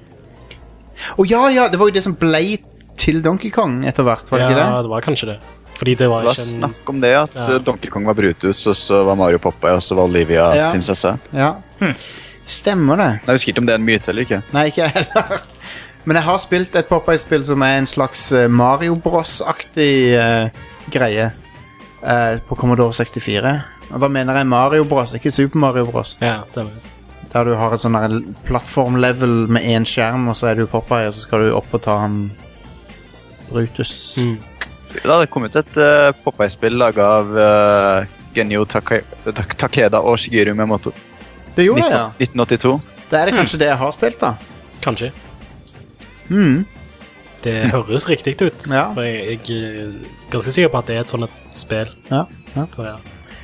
Eh, men ja, det, det, da, var det, da var det over og ut for Radcrew denne gang. Takk for at dere hørte på, og eh, vi er tilbake neste torsdag med en ny episode av Radcrew. Men allerede i morgen så er det en ny episode av Radcrew Neon ute. Der vi snakker i dybden om Guardians of the Galaxy, som vi, var, vi hadde ferskt i minne når vi la, laga den episoden. Yeah, nice.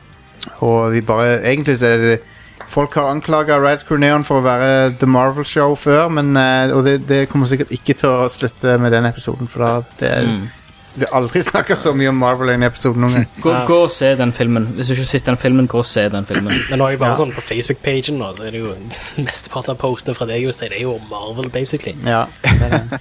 Jeg har Men det er jo de faser som run the show nå. jeg har, jeg har faser der jeg er veldig opptatt av en ting og så går, Men jeg går fra ting til ting så. Ja. Sånn er det bare Ja, jeg må få sett filmen, altså. Det Ja. må du. Mm. Den er amazing. Audun, du likte også den, gjorde du ikke det? Jeg syns den var kjempebra. Ja Der ser du, Are Du må gå og se den Ja, jeg må vel se. Har dere lyst til å se den igjen? Ja. Ja. Ok, da kommer vi Jeg vil og se se den. den igjen sånn 14 ganger til. All right, kom. Eh, ja, men, men det får vi sikkert til. ok. Eh, ha, ha- ha det bra, alle sammen. Eh, Vi snakkes neste gang vi snakkes. Mm, hei da. Det.